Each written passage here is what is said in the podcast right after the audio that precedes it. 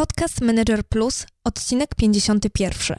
Podcasting zaczyna się po 50, część pierwsza. Dzień dobry. Witam Was w 51. odcinku podcastu Manager Plus. Przy mikrofonie Joanna Damasiewicz, a to jest audycja o tym, jak zwinnie zarządzać sobą i biznesem. Jeśli chcecie, żeby coś zmieniło się w Waszym życiu i czujecie potrzebę ciągłego szlifowania swoich umiejętności, zapraszam do słuchania tej audycji.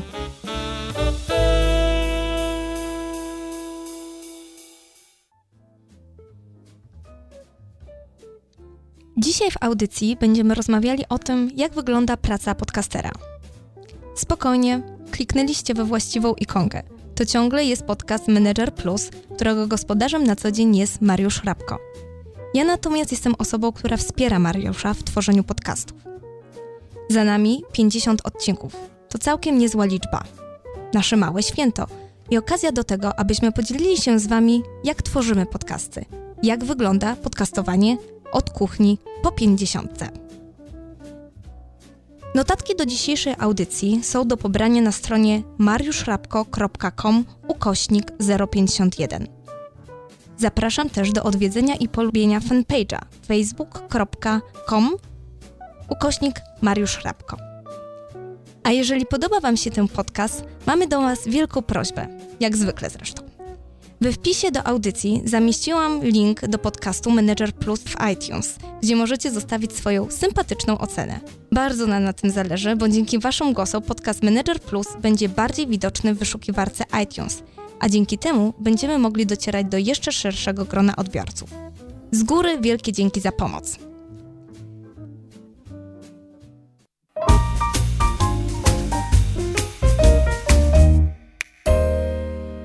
Rozmowa. Okej, okay, zaczynamy, tak? Tak. Już mam mówić? Już masz mówić. Aha, okej, okay, dobra.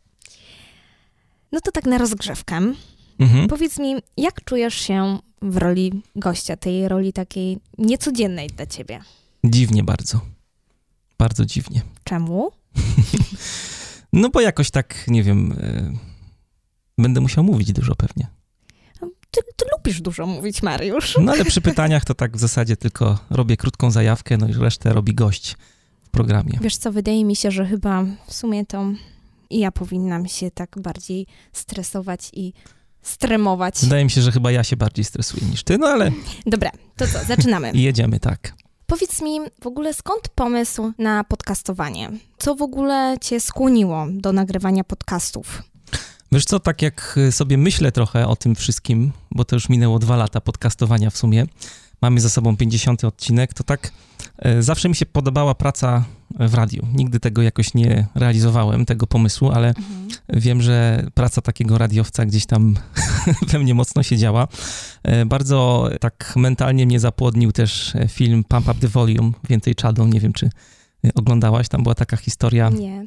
Główną rolę w ogóle grał Christian Slater w tym filmie i grał tam takiego Marka Huntera, który był uczniem liceum, w ogóle bardzo spokojny człowiek, taki e, trochę wyalienowany. I on po 22 nadawał swoją audycję z pirackiego radia. No i e, trochę tak jest z podcastami teraz. Te radia są, można powiedzieć, trochę pirackie, bo jest duża mhm. niezależność, duża swoboda działania.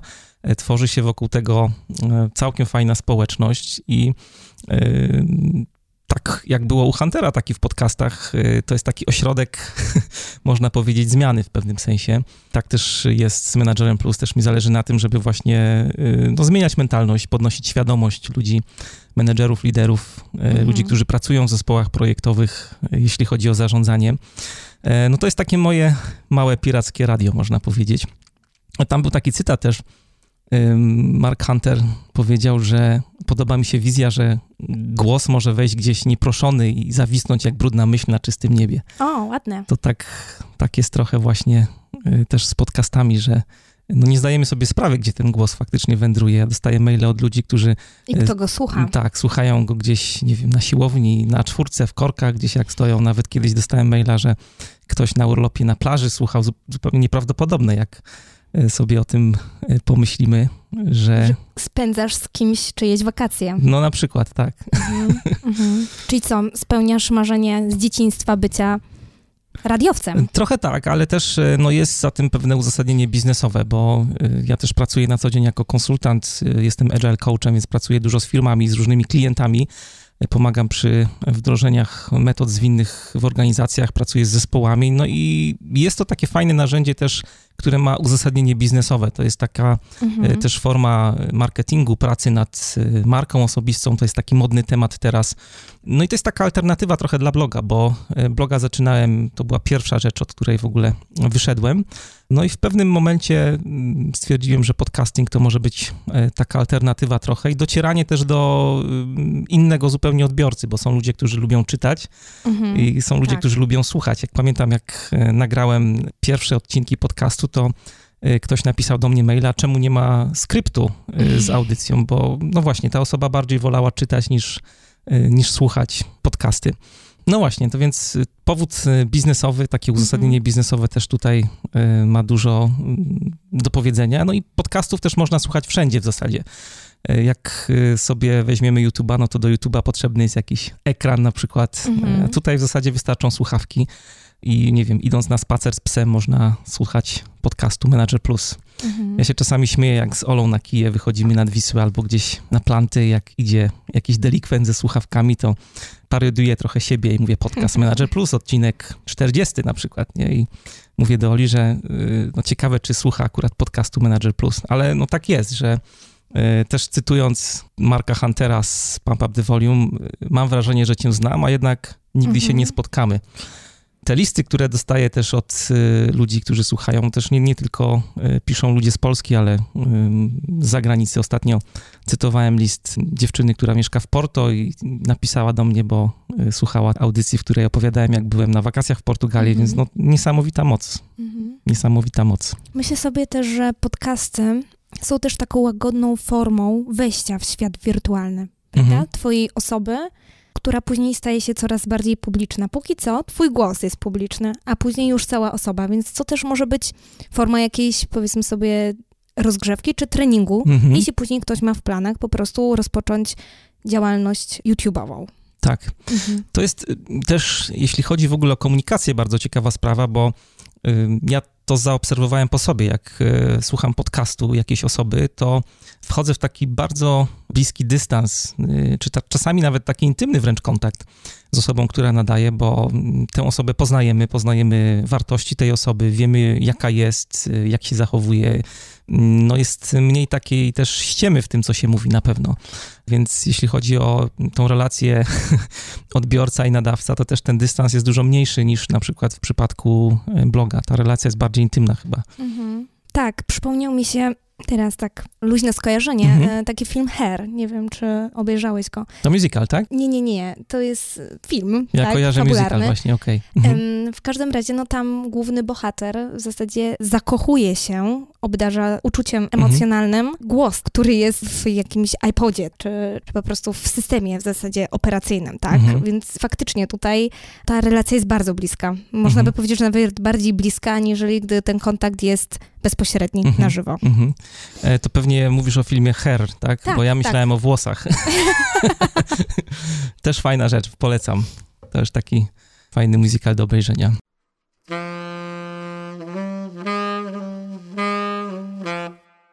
Słuchaj, wydaje mi się, że dużo osób chce w ogóle zacząć podcastować. Pewnie też e, nie wie za bardzo, jak się za to zabrać. To jest być może jedna z tych takich głównych obaw.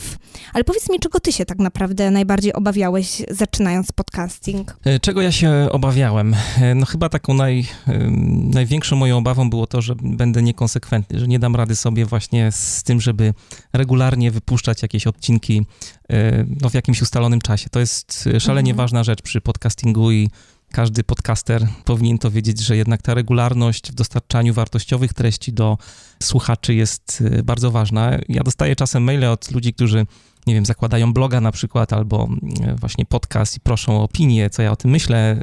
E, I zawsze tak z takim uśmiechem na ustach mhm. odpisuję im, że chętnie odpowiem na to pytanie, ale za pół roku, tak? Odezwij się za pół roku, to ci powiem, co myślę o twoim podcaście czy o twoim blogu. No bo tak to jest, że sporo jest blogów, tak jak obserwuję na, na rynku też, które zaczynają przygodę, jest taka euforia na początku, wow, jestem blogerem, podcasterem, No i wychodzi kilka odcinków. No i na tym ta przygoda się w zasadzie kończy. To jest mhm. Y, ciężka praca, wbrew pozorom, y, nagrywanie podcastów czy pisanie bloga i robienie tego w sposób taki mm, regularny. Ja traktuję podcasting jak y, część mojego etatu, po prostu. Mhm. Co tydzień, nie wiem, wchodzę do studia tego domowego, w którym teraz siedzimy, odpalam sprzęt, otwieram sobie e, skrypt, scenariusz, który mam przygotowany do audycji, no i po prostu nagrywam. I to jest jakby część etatu, który traktuję jak praca. Inaczej sobie tego po prostu nie wyobrażam. E, gdybym to traktował tylko jako jakieś hobby, to pewnie tych odcinków regularnie by nie było i nie byłoby tak, że co dwa tygodnie w poniedziałek o 10 w poczekalni e, czekałby kolejny świeży odcinek Menadżera Plus. Czyli co, bałeś się po prostu takiego wewnętrznego, ale też i zewnętrznego zobowiązania, że będzie to regularne um, nagrywanie, regularna publikacja odcinków. Tak. Bałeś się, że po prostu nie sprostasz temu e, zadaniu. Bałem się, że nie będę konsekwentny po prostu w tym, w tym całym moim projekcie, że go nie dokończę. E, my jesteśmy mistrzami w ogóle zaczynania projektów, skończeniem jest dużo gorzej. Kiedyś napisałem wpis krótki na ten temat na blogu. Możemy go podlinkować do. My masz audycji. na myśli ty i ja. tak. Wiesz co, ja myślę, że, że między nami y, my się super y, uzupełniamy, jeśli chodzi o współpracę. Dlaczego? Wydaje mi się, że ty jesteś super entuzjastą, wielkim optymistą. Tak, tak a tym w momencie, ma kiedy chwila, ruszamy. Chwila. A po prostu ja podchodzę do pewnych pomysłów z takim, powiedzmy sobie, pewnym dystansem. I w momencie, kiedy ja zaczynam się rozpędzać mm. i czuć temat, a tobie się wtedy entuzjazm trochę wypala, to wtedy ja jestem tą osobą, która na nowo, wiesz, nowe siły w tobie Daje próbuje. ten drive, tak? Tak. tak. Mhm. Mhm. Powiedz mi, a tak y, no, z perspektywy tych 50 odcinków, mm, wszedłbyś w to jeszcze raz? Bez zastanowienia. Mhm. Wszedłbym na pewno. no w tym momencie, tak patrząc na statystyki, to yy, zerkałem do Lipsyna, mamy 112 y, tysięcy pobrań, odsłuchań, tak?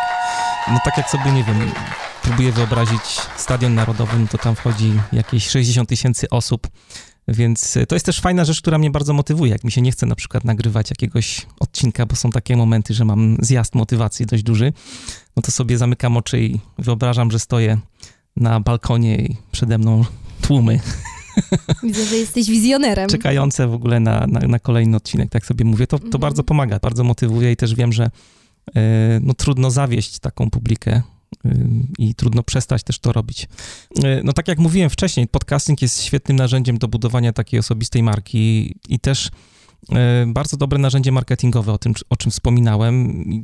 To póki co jako dla solo przedsiębiorcy mi w zupełności wystarcza w tym momencie. Ja też Mm, świadomie zrezygnowałem z pojawienia się na konferencjach. Zrezygnowałem z konferencji, dlatego że e, no, na takich konferencjach, e, no nie wiem, 500-700 osób się pojawia, jak już jest takie duże wydarzenie. E, a porównując to do podcastingu, no to siła tutaj rażenia jest dużo, dużo większa, tak? Mhm. Takich widzów konferencyjnych mam dużo więcej, idą ci widzowie w tysiące. E, no i po prostu świadomie przestałem się pojawiać na konferencjach. To też zajmuje dużo czasu, przygotowanie się do prezentacji i czasami jak e, dzwoni do mnie jakiś organizator i próbuję wytłumaczyć, że e, przestałem to robić, no to tak otwiera trochę oczy ze zdumienia, a dlaczego? I tak mhm. no nie są w stanie ludzie czasami zrozumieć właśnie, że mm, skupienie się na takiej jednej rzeczy, właśnie na podcastach, na, na blogu, no to jest coś, co, co mi wystarcza w zupełności w tym momencie. Słuchaj, tak też mi się wydaje, że społeczność podcasterów w Polsce rośnie nie tylko w liczbę, ale też w siłę. Ty też podejrzewam na samym początku, jak w ogóle pojawiła ci się myśl, żeby mm, podcastować, to pewnie była jakaś taka osoba, jakiś taki podcaster, który gdzieś tam zaszczepił tą myśl w tobie. I chciałam teraz właśnie zapytać, kto z takich podcasterów był dla ciebie, czy jest nadal, największą inspiracją? Wiesz co, może to trochę dziwnie zabrzmi, ale y, ostatnio praktycznie w ogóle nie słucham podcastów. Hmm. Jakoś tak y, przeładowałem się tymi treściami, mam wrażenie, i bardziej słucham muzyki Spotify'a czy jakichś takich odcinków e, radiowych e, też z muzyką w tle, ale podcastów w zasadzie praktycznie wcale. No ale oczywiście nie było tak, że się jakoś tam nie próbowałem inspirować różnymi osobami. Kilka nazwisk wymienię tutaj. E, na pewno taką osobą od której zaczynałem w ogóle słuchanie podcastów, Michael Hyatt. E, bardzo mi się podobało i podoba do dzisiaj to, w jaki sposób on przygotowuje odcinki. Są mega profesjonalnie zrobione, jest bardzo dobra jakość dźwięku, na co szalenie zwracam mm. uwagę. E, no i faktycznie tam w tych odcinkach y, Michaela mam wrażenie, że wszystko jest potrzebne, że każde, każde słowo jest po coś wypowiedziane i na tym mi bardzo zależało i zależy przy tworzeniu podcastów, żeby no nie było jakichś takich niepotrzebnych treści, bo bardzo szanuję też czas odbiorców. No i wiem, że niektórzy podcasterzy tak próbują zapełniać ten czas mhm. antenowy różnymi takimi opowiastkami w stylu koloru ściany czy, czy samopoczucia, ale wydaje mi się, że akurat przy takich podcastach właśnie eksperckich, e, no trochę nie ma miejsca na coś takiego, żeby e, właśnie w ten sposób mówić do e, słuchaczy. A propos takich zapychaczy też, chociaż bardzo lubię ten podcast, jednym z takich podcastów, które przy których mam banana zawsze, jak ich słucham, to jest Fizzle Show. E, to jest taki podcast, który jest tworzony przez Corbetta Barra, Chase'a Reevesa i Steph Crowder od e, jakiegoś czasu, e, bo wcześniej tam za Steph Crowder wstąpił, czy, czy był od początku Caleb Wójcik, no i oni właśnie mają taki styl bardzo rozrywkowy, chociaż mówią o bardzo merytorycznych rzeczach, ale no sama jakby rozgrzewka, te wszystkie small talki, które się pojawiają, zajmują im czasem 5-10 minut i złapałem się kilka razy na tym, że po prostu przewijałem e, ten podcast, żeby dojść do, do meritum to byłby kolejny podcast, w którym gdzieś tam się inspirowałem i który słuchałem. No na pewno y, też wspomnę o trzech takich nazwiskach: Pat Flynn, Amy Porterfield i Chris mhm. Ducker. To są takie e, nazwiska, które y, akurat w moim przypadku dużo słuchałem podcastów Pata Flynna czy Amy Porterfield, Chrisa Duckera też ostatnio, bo oni dużo mówią o tym, jak prowadzić ten biznes online. Tak. Amy Porterfield y, mówi dużo o tym, jak prowadzić kursy online. Y, no i co jeszcze? Taki podcast, który szalenie mi się podoba i w zupełnie innym stylu niż e, akurat mój podcast, bo e, to jest podcast, który ma tytuł Leadership Unleashed. Prowadzi go Kerry Kish i no forma jest bardzo urzekająca, bo Kerry jest y, ekspertką od przywództwa, mhm. no i wybrała sobie taki styl, tak, tak jak powiedziałem, zupełnie inny niż u mnie, bo ja bardziej y, zadaję pytania, czy zostawiam przestrzeń do odpowiedzi rozmówcy, a ona y, jak się spotyka z ekspertem, to też występuje z pozycji eksperta, to znaczy też się udziela w rozmowie i też mhm. jakby podaje swoje przykłady, podaje swoje rady, jak pewne rzeczy rozwiązywać, jak sobie radzić z pewnymi problemami. E, no ale też podcast bardzo merytoryczny, bardzo dobrze przygotowany, jeśli chodzi o e, jakość dźwięku i e, no bardzo mi się podoba. I co jeszcze można by tutaj wymienić? Z polskich podcastów mm, słuchałem trochę odcinków Michała Szafrańskiego na pewno. Mhm. Też podcast bardzo merytoryczny i też bardzo na poziomie. Przyznam szczerze, że omijam te odcinki takie finansowe, bo jakoś kwestia finansów to mnie tak bardzo, bardzo nie interesuje. Zresztą u nas w domu finansami się Ola zajmuje i wszystkie takie. E, te odcinki puszczasz Oli. Tak, te odcinki puszczam Oli. E, no i też mała wielka firma, też e, od czasu do czasu słucham, bardzo fajny podcast. Ale muszę powiedzieć, że tak jak mówiłem na początku, że tych podcastów praktycznie wcale nie słucham, bo jakoś tak bardziej inspiruję się mm, radiowcami. Na pewno Marek mhm. Niedźwiecki, Markomania. Mhm. Wielkim fanem jestem też Marcina Kedryńskiego i Siesty Niedzielnej. Nawet jak nie jestem w stanie w niedzielę słuchać, to odsłuchuję sobie później w mhm. ciągu tygodnia gdzieś tam, jak idę pobiegać tego, co mnie ominęło. No i też y, Piotr Kaczkowski, Minimax, więc to są tacy moi na pewno wielcy inspiratorzy, bym no to powiedział. background solidny, że tak powiem.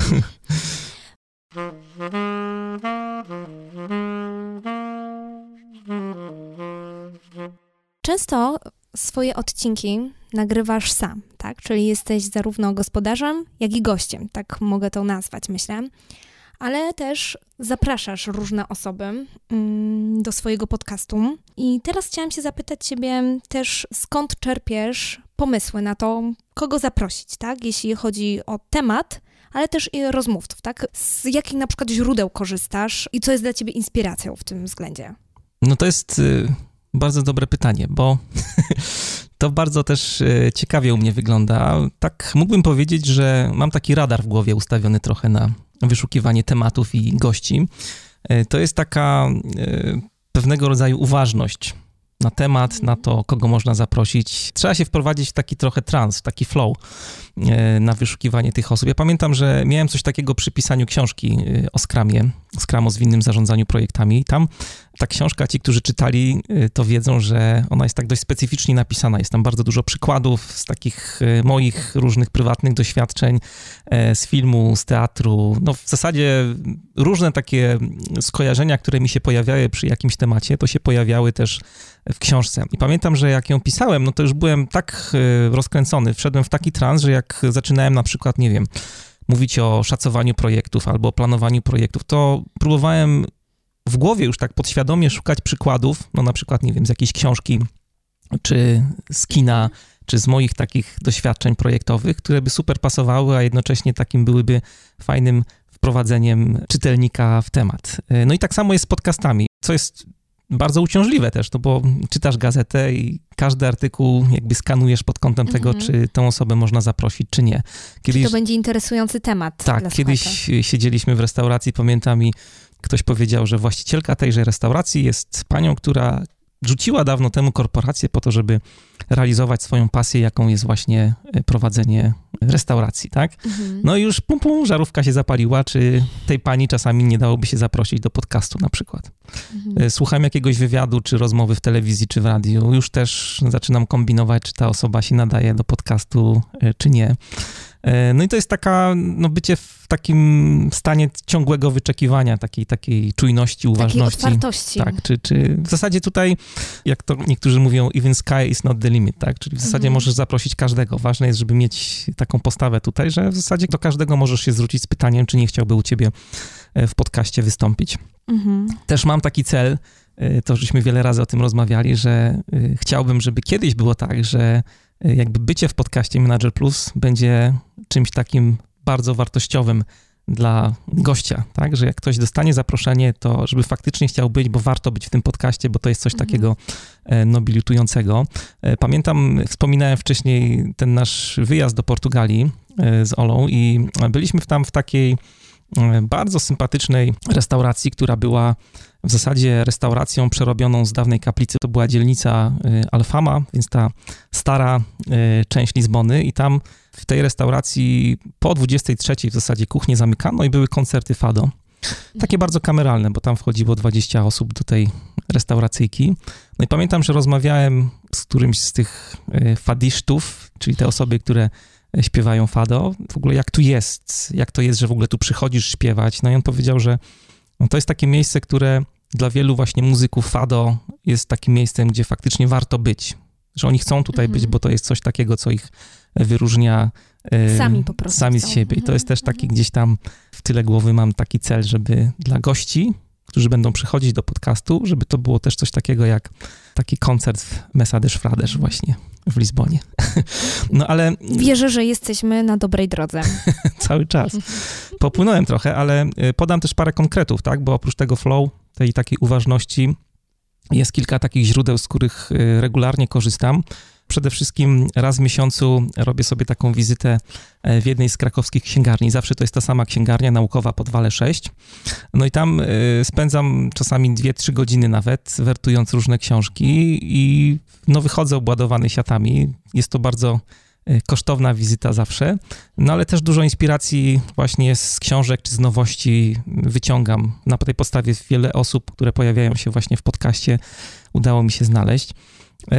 Jest to kosztowne na pewno, tak, bo takie dwie siatki zawsze trochę ważą i kosztują, ale to jest też coś, co mm, myślę, że nauczyłem się od moich rodziców.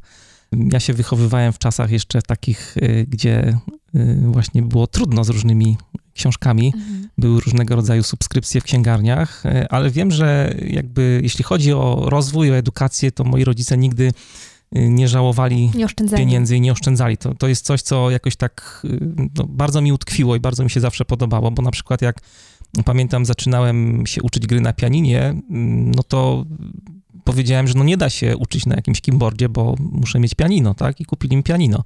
Później była gitara, kupili mi gitarę, akordeon, miałem dwa akordeony i tak dalej, i tak dalej. Jak się uczyłem języków, no to miałem super książki z kasetami wtedy jeszcze y, do nauki języka angielskiego mówili, skoro synu chcesz, no to Mhm. będziesz to miał, rób wszystko, żeby się uczyć.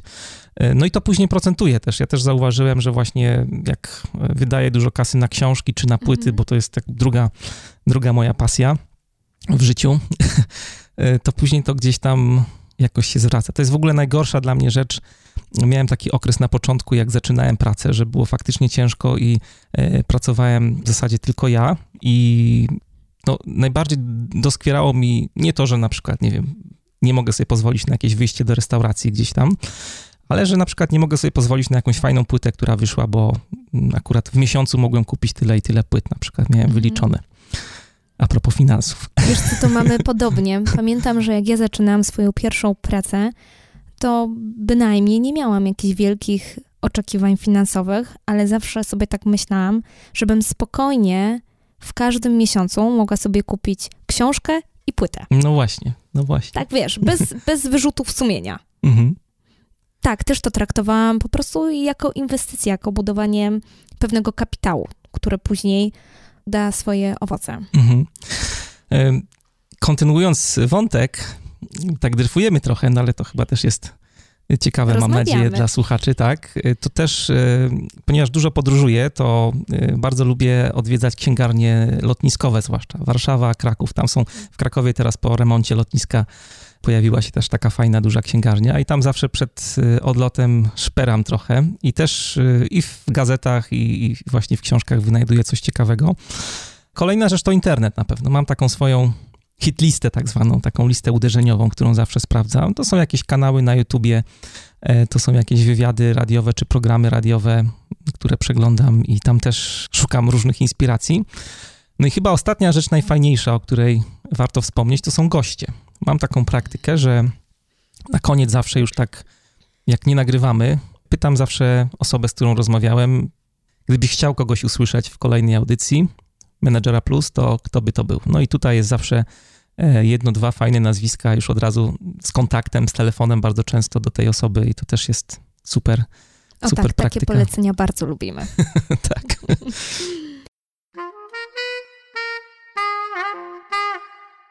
Przyznasz mi rację, jeśli powiem, że każdy odcinek, który stworzyłeś, to jest takie, powiedzmy sobie, twoje dziecko. Mhm. Mhm.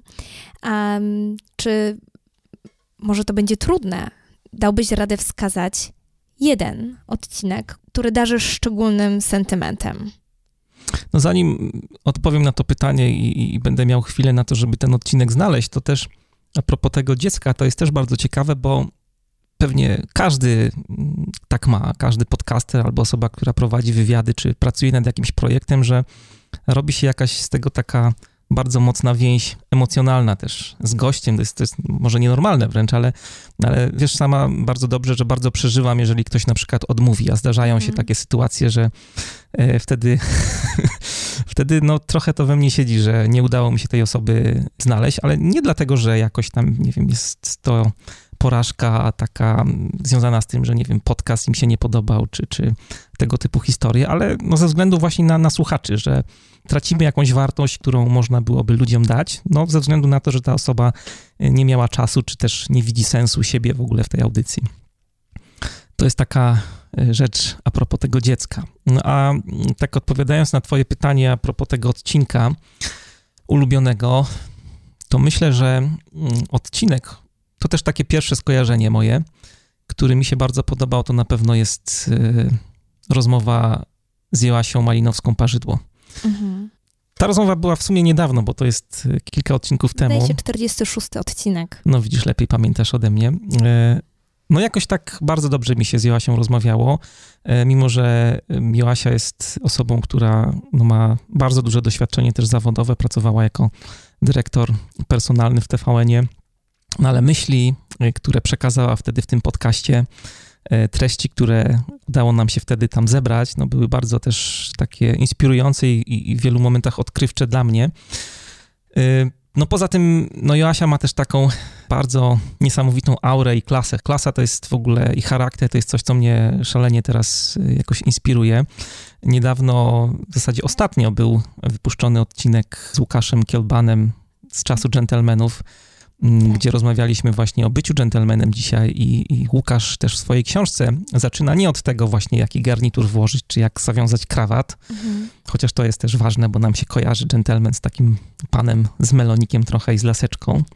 No ale on zaczyna od takich właśnie mocnych fundamentów, od charakteru, od y, takiego kręgosłupa w postaci wartości, od właśnie od klasy.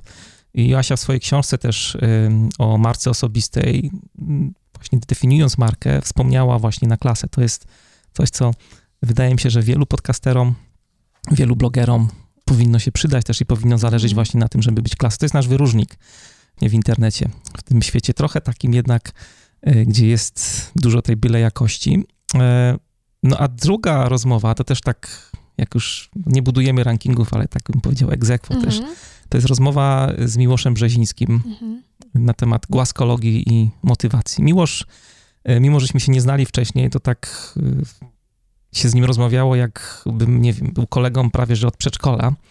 E, też bardzo fajna osobowość, bardzo medialna i ten wywiad, tak jak pamiętam, to on w zasadzie mógłby być bez mojego udziału. To znaczy, no, Miłosz ma bardzo duże doświadczenie też sceniczne i, i medialne i w zasadzie tam pamiętam, że przy montażu nic nie robiłem. W zasadzie to był odcinek, który wyszedł tak, jak żeśmy go nagrali. To była też taka mhm. duża wartość dla mnie. Pewnie jeszcze wiele y, takich szczególnych odcinków przed tobą. No miejmy nadzieję, że tak.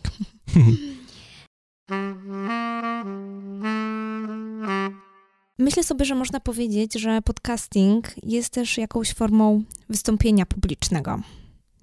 A jak myślimy o wystąpieniu publicznym, to myślę, że sporo z nas od razu pojawia mu się takie pojęcie jak trema. Mhm. Czy ty masz tremę przed nagraniem? Mam, zawsze mam tremę. I co robisz? Trema może zacznę od tego, że jest y, takim zjawiskiem mimo wszystko pozytywnym. Chyba tak y, mhm. powinniśmy ją, ją traktować. E, taki cytat jest, Jack Sparrow powiedział, the problem is not the problem, the problem is your attitude about the problem. Mhm. Czyli ważne jest to, jak e, tak naprawdę sobie z tym stresem, z tremą mhm. poradzimy, jak się będziemy z nią czuć, jak się do niej nastawimy właśnie. Jest taka książka Kelly McConical, Siła stresu, jak stresować się mądrze i z pożytkiem dla siebie. Podlinkujemy ją w materiałach do, do audycji. No i właśnie, to jest kwestia tego, jak się z tą tremą będziemy obchodzić, jak, jak będziemy ją traktować. Ta trema jest u mnie zawsze. Też mam ją przed wystąpieniami publicznymi, mam ją przed e, szkoleniami, przed warsztatami, ale to jest taka trema bardzo, bardzo twórcza. No, no nie wiem, jak, jak to e, opisać bardziej, e, ale taka trema, która mnie bardzo mobilizuje, mhm. pozytywnie mobilizuje. To nie jest coś, co mnie paraliżuje, nie?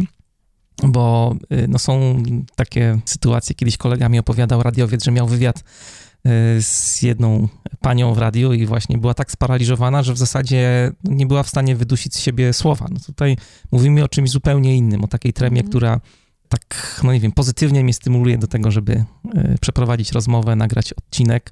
No i to jest też na początku, jak już e, zaczynamy rozmawiać, tak jak było dzisiaj też, myślę, że się bardziej denerwowałem chyba od ciebie, bo wchodzę w taką zupełnie inną rolę, mm, która mnie wybija z mojej strefy komfortu, tak? Bo to ja zawsze mhm. zadawałem pytanie w podcaście, ja byłem tym odpytującym, no a ty odbiłaś piłeczkę i cały czas mnie pytasz o różne rzeczy i no też nie wiedziałem, jak się odnajdę w tej, w tej sytuacji. Spokojnie, zaraz się zamienimy rolami i będziesz mógł czuć się spokojnie. Mhm. Teraz chciałabym, żebyś mi, y, mi i y, nam, naszym słuchaczom, opowiedział trochę o takich, powiedzmy sobie, plusach i minusach podcastowania, ale bardziej w takim Twoim odczuciu indywidualnym, prywatnym. To znaczy, e, co jest dla Ciebie najtrudniejsze w podcastowaniu? Co jest dla mnie najtrudniejsze w podcastowaniu? E, mimo wszystko, na, na pierwszym miejscu wymieniłbym tę rzecz, o której już mówiłem trochę, która była moją obawą, czyli systematyczność. To, żeby mhm. faktycznie regularnie wypuszczać podcast. W moim przypadku jest to czasami trudne, bo e, tak jak mówiłem, trochę prowadzę działalność też oprócz podcastowania i blogowania, z której się utrzymuję, które jest moim źród głównym źródłem dochodu, czyli praca u klientów z zespołami projektowymi, z liderami.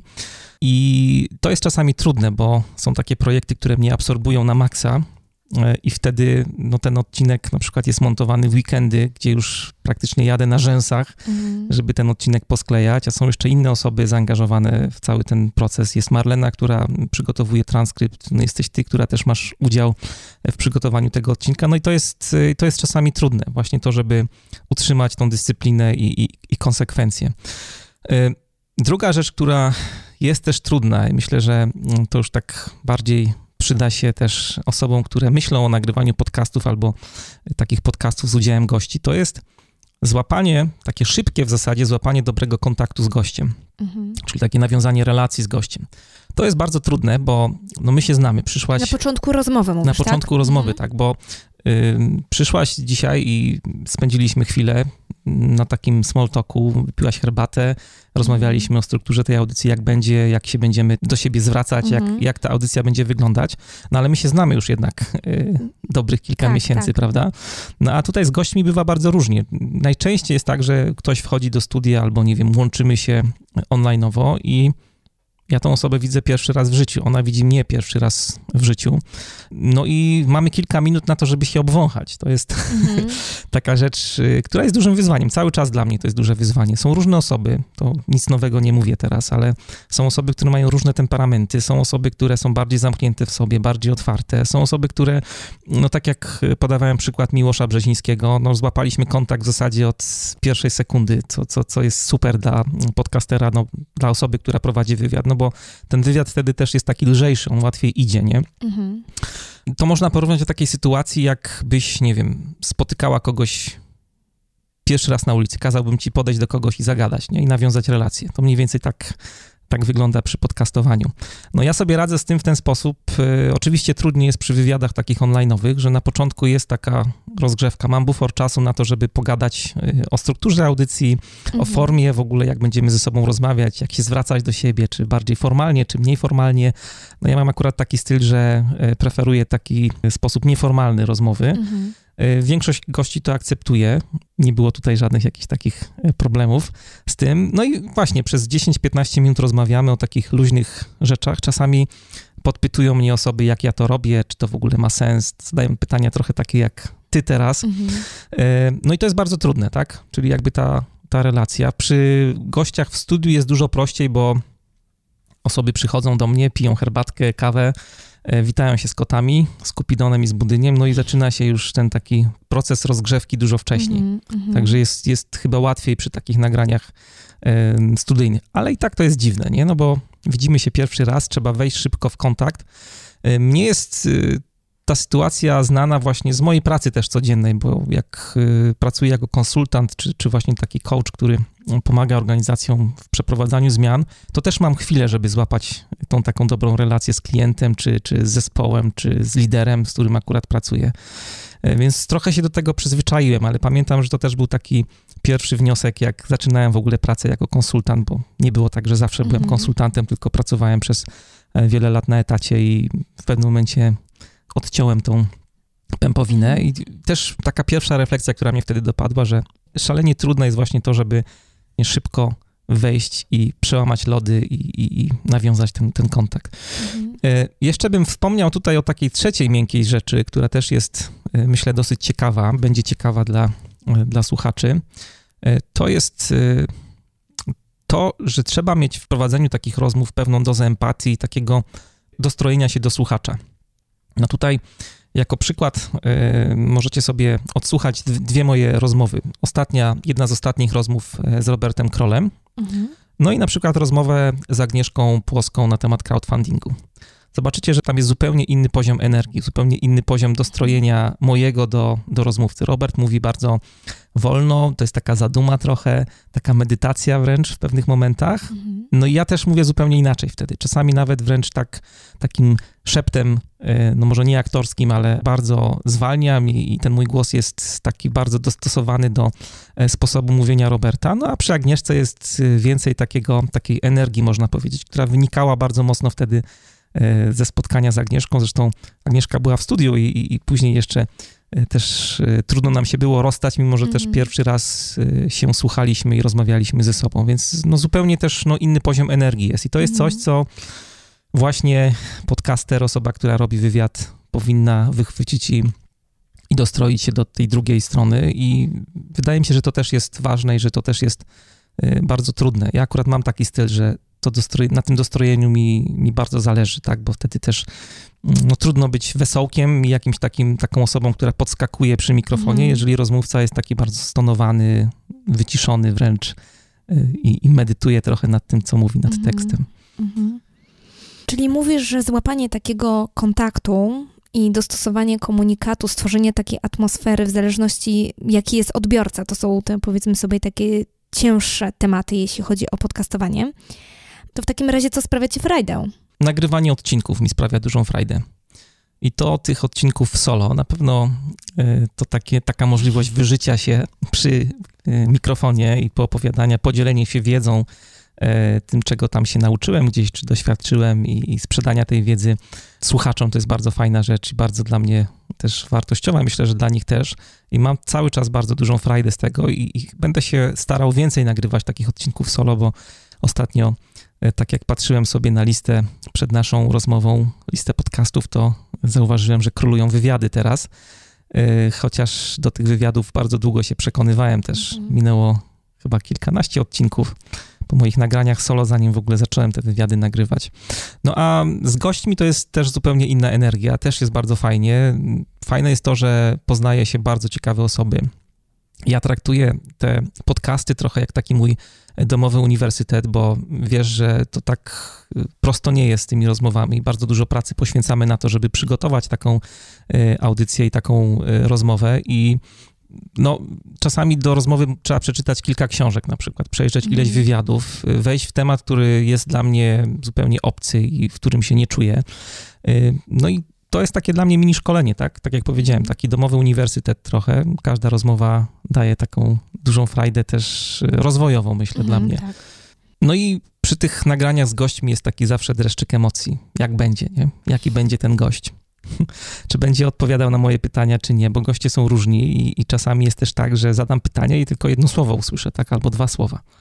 No i te, wtedy trzeba się bardziej mobilizować jako mhm. osoba, która prowadzi wywiad. Y, na szczęście jest mało takich sytuacji, ale zdarzają się mhm. przy, przy rozmowach. Mhm. A pytałaś o takie rzeczy, które są najmniej atrakcyjne, to chyba, mm, chyba montaż odcinków. To jest rzecz, której bardzo nie lubię.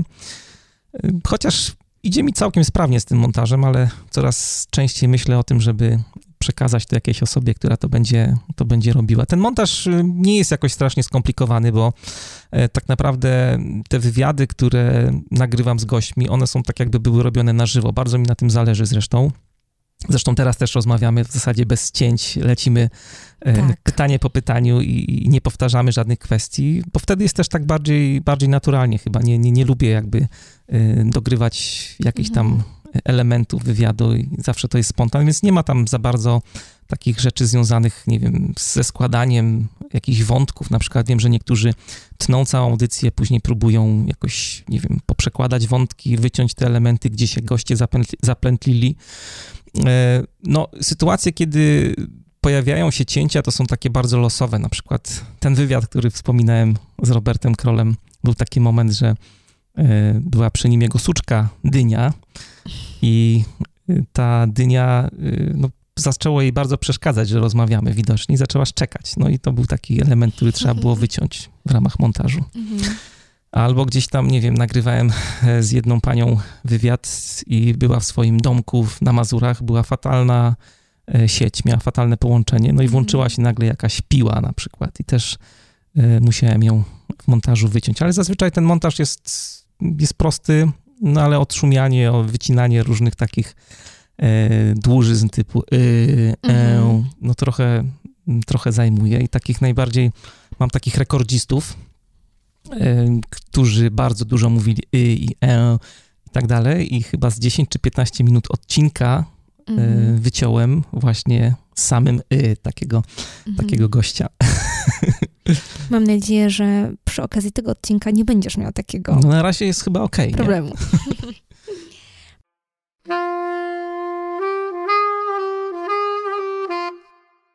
Teraz chciałabym Cię wziąć w taką podróż, że tak powiem, do przyszłości. Mm. Mhm. Wyobraź sobie, zamknij oczy, mhm. wyobraź sobie, że jest marzec 2015. Wiesz, mhm. co wtedy było? Wiem. Była publikacja pierwszego odcinka Manager Plus. Jak wspominasz swoje pierwsze nagranie? E, wiesz co, nie było chyba tak strasznie, jak, jak nie wiem, mogłoby się wydawać, że jest.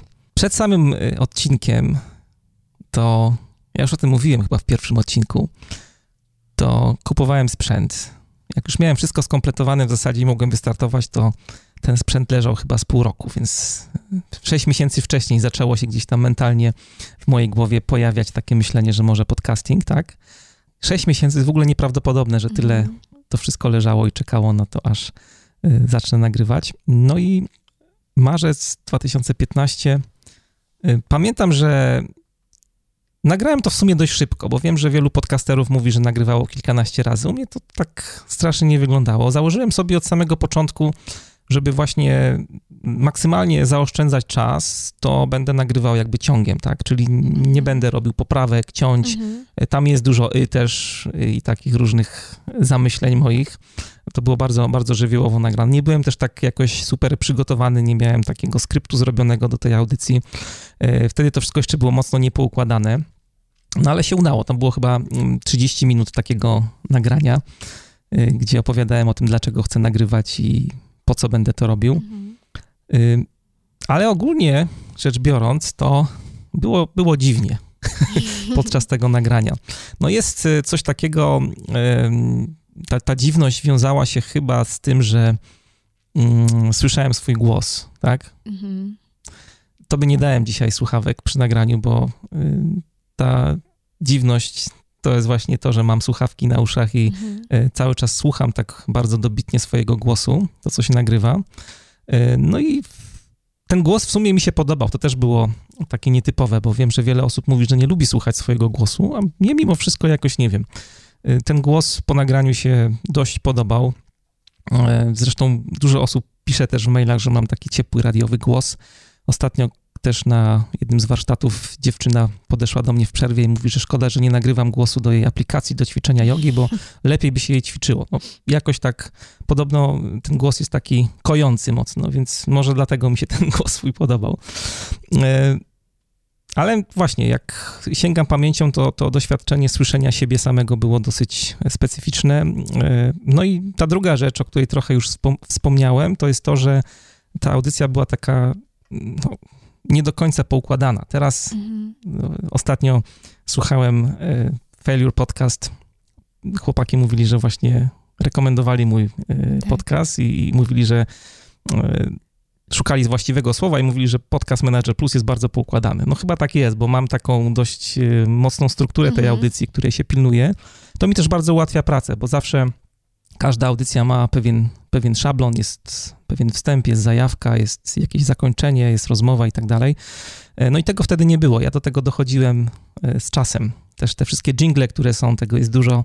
E, jest muzyczka też na koniec. No to jest coś, co się pojawiło jakby w trakcie kolejnych odcinków. Do tego dojrzewałem, można powiedzieć. Wspominałeś przed chwilą już o sprzęcie. Powiedz nam, tak naprawdę skąd wiedziałeś, jak to wszystko robić, tak? Jak dobrać sprzęt? To się wzięło stąd, że ja od, w zasadzie od dziecka miałem dużo do czynienia z muzyką. Mój tato był przez długi okres czasu producentem sprzętów muzycznych. To były czasy jeszcze, jak nie było na naszym polskim rynku y, tylu mikserów. W zasadzie w ogóle nie było mikserów takich dostępnych, y, jak jest teraz. Y, nie było wzmacniaczy, końcówek mocy. I w zasadzie od dziecka mieszkaliśmy wtedy w takim małym mieszkaniu. To był dom nauczyciela on miał jeden pokój wydzielony i tam była masa sprzętu, to, była, to był jego warsztat, bo tak y, pracował tato na etacie też, a wieczorami właśnie składał ten sprzęt i, i, i sprzedawał go różnym osobom. No i od dziecka słyszałem w ogóle dźwięki, słyszałem różne ustawienia, bardzo czasami nieznośne, bo te dźwięki były wysokie i niskie, czasami, nie wiem, zasypiałem, pamiętam, była 12 w nocy i zasypiałem przy pięknych dźwiękach gitary elektrycznej na mocnym przesterze. No i cały czas się osłuchiwałem właśnie, właśnie z dźwiękiem, bo to, na czym mi zależało i zależy cały czas w podcaście, to jest dobre brzmienie, mhm. Y, dobra jakość dźwięku. To, żeby to było strawialne bardzo do, dla słuchacza. Wiem, że wielu podcasterów nie przywiązuje do tego wagi, ale z drugiej strony, co mnie bardzo, bardzo cieszy, to jest fakt, że y, w komentarzach, czy jak są jakieś opinie, czy rekomendacje mojego podcastu, to całkiem dużo osób podkreśla właśnie ten fakt, że tak. Y, jakość muzyka jingle to jest coś, co wyróżnia mój podcast na tle innych i to na tym mi bardzo zależało. Więc yy, tak jak mówię, od dziecka słuchałem muzyki i, i, dźwięku i dużo z tym dźwiękiem eksperymentowałem. Robiłem to wszystko sam. Mówię o, o ustawieniach mhm. i konfiguracji miksera i tego wszystkiego, co słyszycie tutaj y, dzisiaj w studiu. I taka barwa, która mnie zadowalała, to pamiętam, że jakby cały proces dokręcania różnych śrubek trwał chyba miesiąc. Bardzo mnie to frustrowało. Pamiętam, że codziennie robiłem sobie próbki nagrania albo, nie wiem, w weekendy siedziałem dość tak mocniej, intensywnie i próbowałem stworzyć jakąś taką barwę, która byłaby zbliżona do y, barwy radiowej. Y, no, myślę, że w pewnym sensie mi się to, to udało.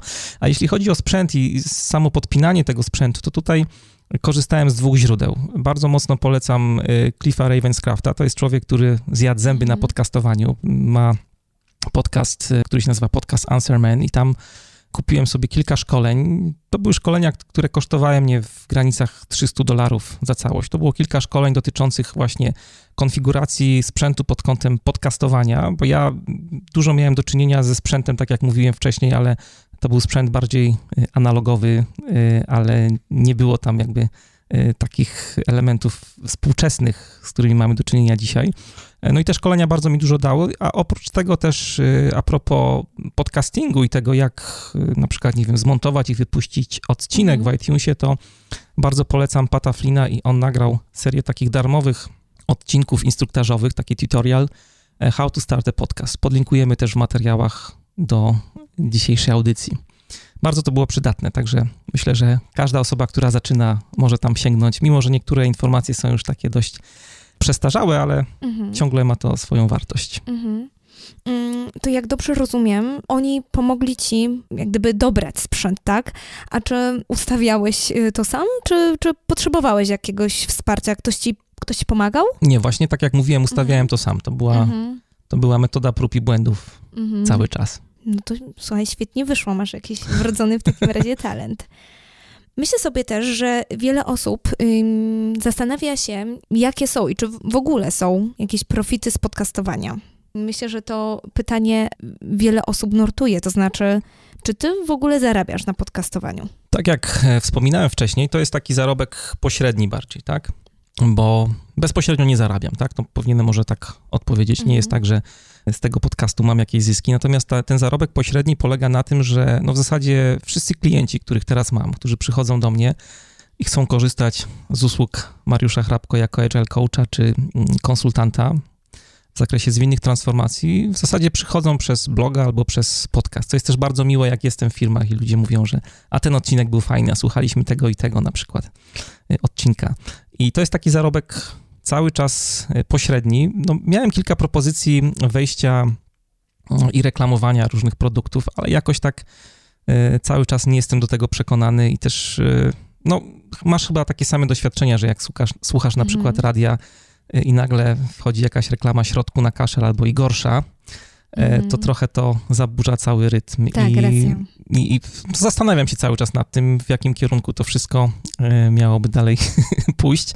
E, no jest to też w pewnym sensie trudna rzecz, bo tak jak mówiłem, podsumowując trochę, to 50% mojego etatu, mojej pracy teraz, mhm. jakbym sobie miał to wszystko rozłożyć, no to jest blogowanie i podcastowanie, więc całkiem sporo, sporo czasu schodzi mi właśnie na te takie rzeczy, które de facto nie przynoszą kasy takiej bezpośredniej, mhm. tak? Nie zarabiam w żaden sposób bezpośredni na tych y, produktach. No i to się wiąże z tym, co jest też bardzo trudne dla mnie. Akurat jeżeli ktoś y, robi tylko to, no to to jest łatwiej, y, jeżeli tylko zajmuje się podcastingiem, ale no ja mam też cały czas ten ogonek w postaci właśnie klientów, mhm. firm, z którymi współpracuję. No i od jakiegoś czasu zauważyłem, że nauczyłem się już trochę tego, ale trudne bardzo dla mnie było znalezienie takiego właściwego balansu. Tak, bo jak przyszedłem z pracy takiej e, w miarę etatowej, bo wcześniej e, pracowałem jako też agile coach i konsultant, ale byłem jakby kupiony na wyłączność przez firmę, więc mhm. nie miałem problemów e, z klientami, bo mieliśmy taką umowę, że firma podsyłała mi klientów, ja tylko jak trochę się czułem jak agencja, który czekasz, pager zadzwoni, wyjmie swoją dwururkę spod wanny, no i gdzieś tam pojedzie w świat na projekt, tak? No to wtedy to było bardzo komfortowe, ale E, tutaj tak nie jest. Tutaj jakby jak przyszedłem na pracę taką e, bardziej freelancerską, no to musiałem się nauczyć właśnie żyć z tą niestabilnością, tak? Bo mm, z tym bywa bardzo różnie, tak? Że możesz mieć dużo zleceń na początku, na przykład przez pierwsze dwa, trzy miesiące zarabiasz na pół roku swojej, mhm. swojego życia, no i później na przykład nie ma nic, tak? Jak jest okres taki wakacyjny albo, nie wiem, są jakieś święta i tak dalej. No i to jest trudne i tutaj zauważyłem też, że dodatkowa trudność dla mnie polegała na tym, że musiałem nauczyć się trochę odmawiać, tak? Mhm. E, ostatnio na przykład y, nie spałem z dwie, trzy noce, bo miałem propozycję bardzo dużego projektu w korporacji, no projekt taki na kilka lat w zasadzie. No i pewnie ustawiłbym się finansowo też y, bardzo dobrze przez długi okres czasu, no ale E, czujesz, że musiałbym zrezygnować właśnie z podcastingu, z blogowania, bo klient potrzebował mnie w zasadzie na wyłączność też, żeby takie wdrożenie w organizacji zrobić. No i to jest coś, co z bólem serca mm, właśnie musiałem poświęcić na rzecz e, podcastingu i blogowania. No ale w związku z tym też mam jak wiesz zresztą, pewne plany, żeby bardziej wejść w ten biznes mhm. taki online'owy i już pomyśleć o jakimś takim produkcie, który można by było Y, właśnie sprzedawać w ramach społeczności, którą mam w tym, -hmm. w tym podcaście. I to są takie plany na 2017. Czyli chciałbyś po prostu w pewnym sensie zrezygnować takiej, z takiej pracy właśnie etatowej na rzecz już większego poświęcenia się podcastom, tak? No tak już pracy. się zaangażowałem w tą pracę taką online'ową, że chciałbym y, bardziej dzielić się może wiedzą i tym, co wiem, tymi praktykami w ramach społeczności, którą mam, tak?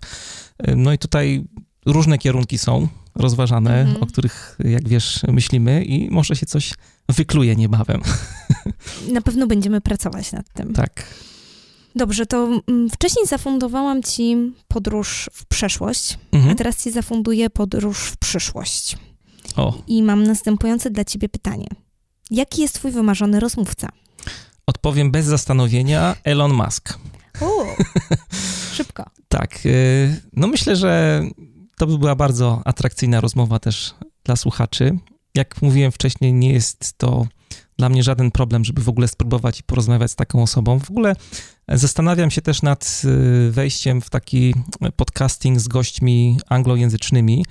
Mam pewien opór związany z właśnie z językiem, to bardziej jeśli chodzi o, o słuchaczy, odbiór przez słuchaczy. Ja się obracam w mhm. takim towarzystwie dość mocno informatycznym i, i, i w IT angielski to jest jakby drugi język i, tak. i, ludzie nie mają problemu, żeby słuchać czy czytać teksty po angielsku i to jest y, jakby oczywista oczywistość dla tej społeczności, ale jednak tak jak y, rozmawiałem z niektórymi osobami, które prowadzą rozmowy w języku angielskim, no jednak wielu słuchaczy sobie e, nie radzi z tym i mhm. tutaj no, można to obejść trochę i na przykład, nie wiem, spróbować robić takie audycje jak w radiu, tłumaczone z jakimś lektorem gdzieś, gdzieś w tle, więc może w tym kierunku byśmy poszli.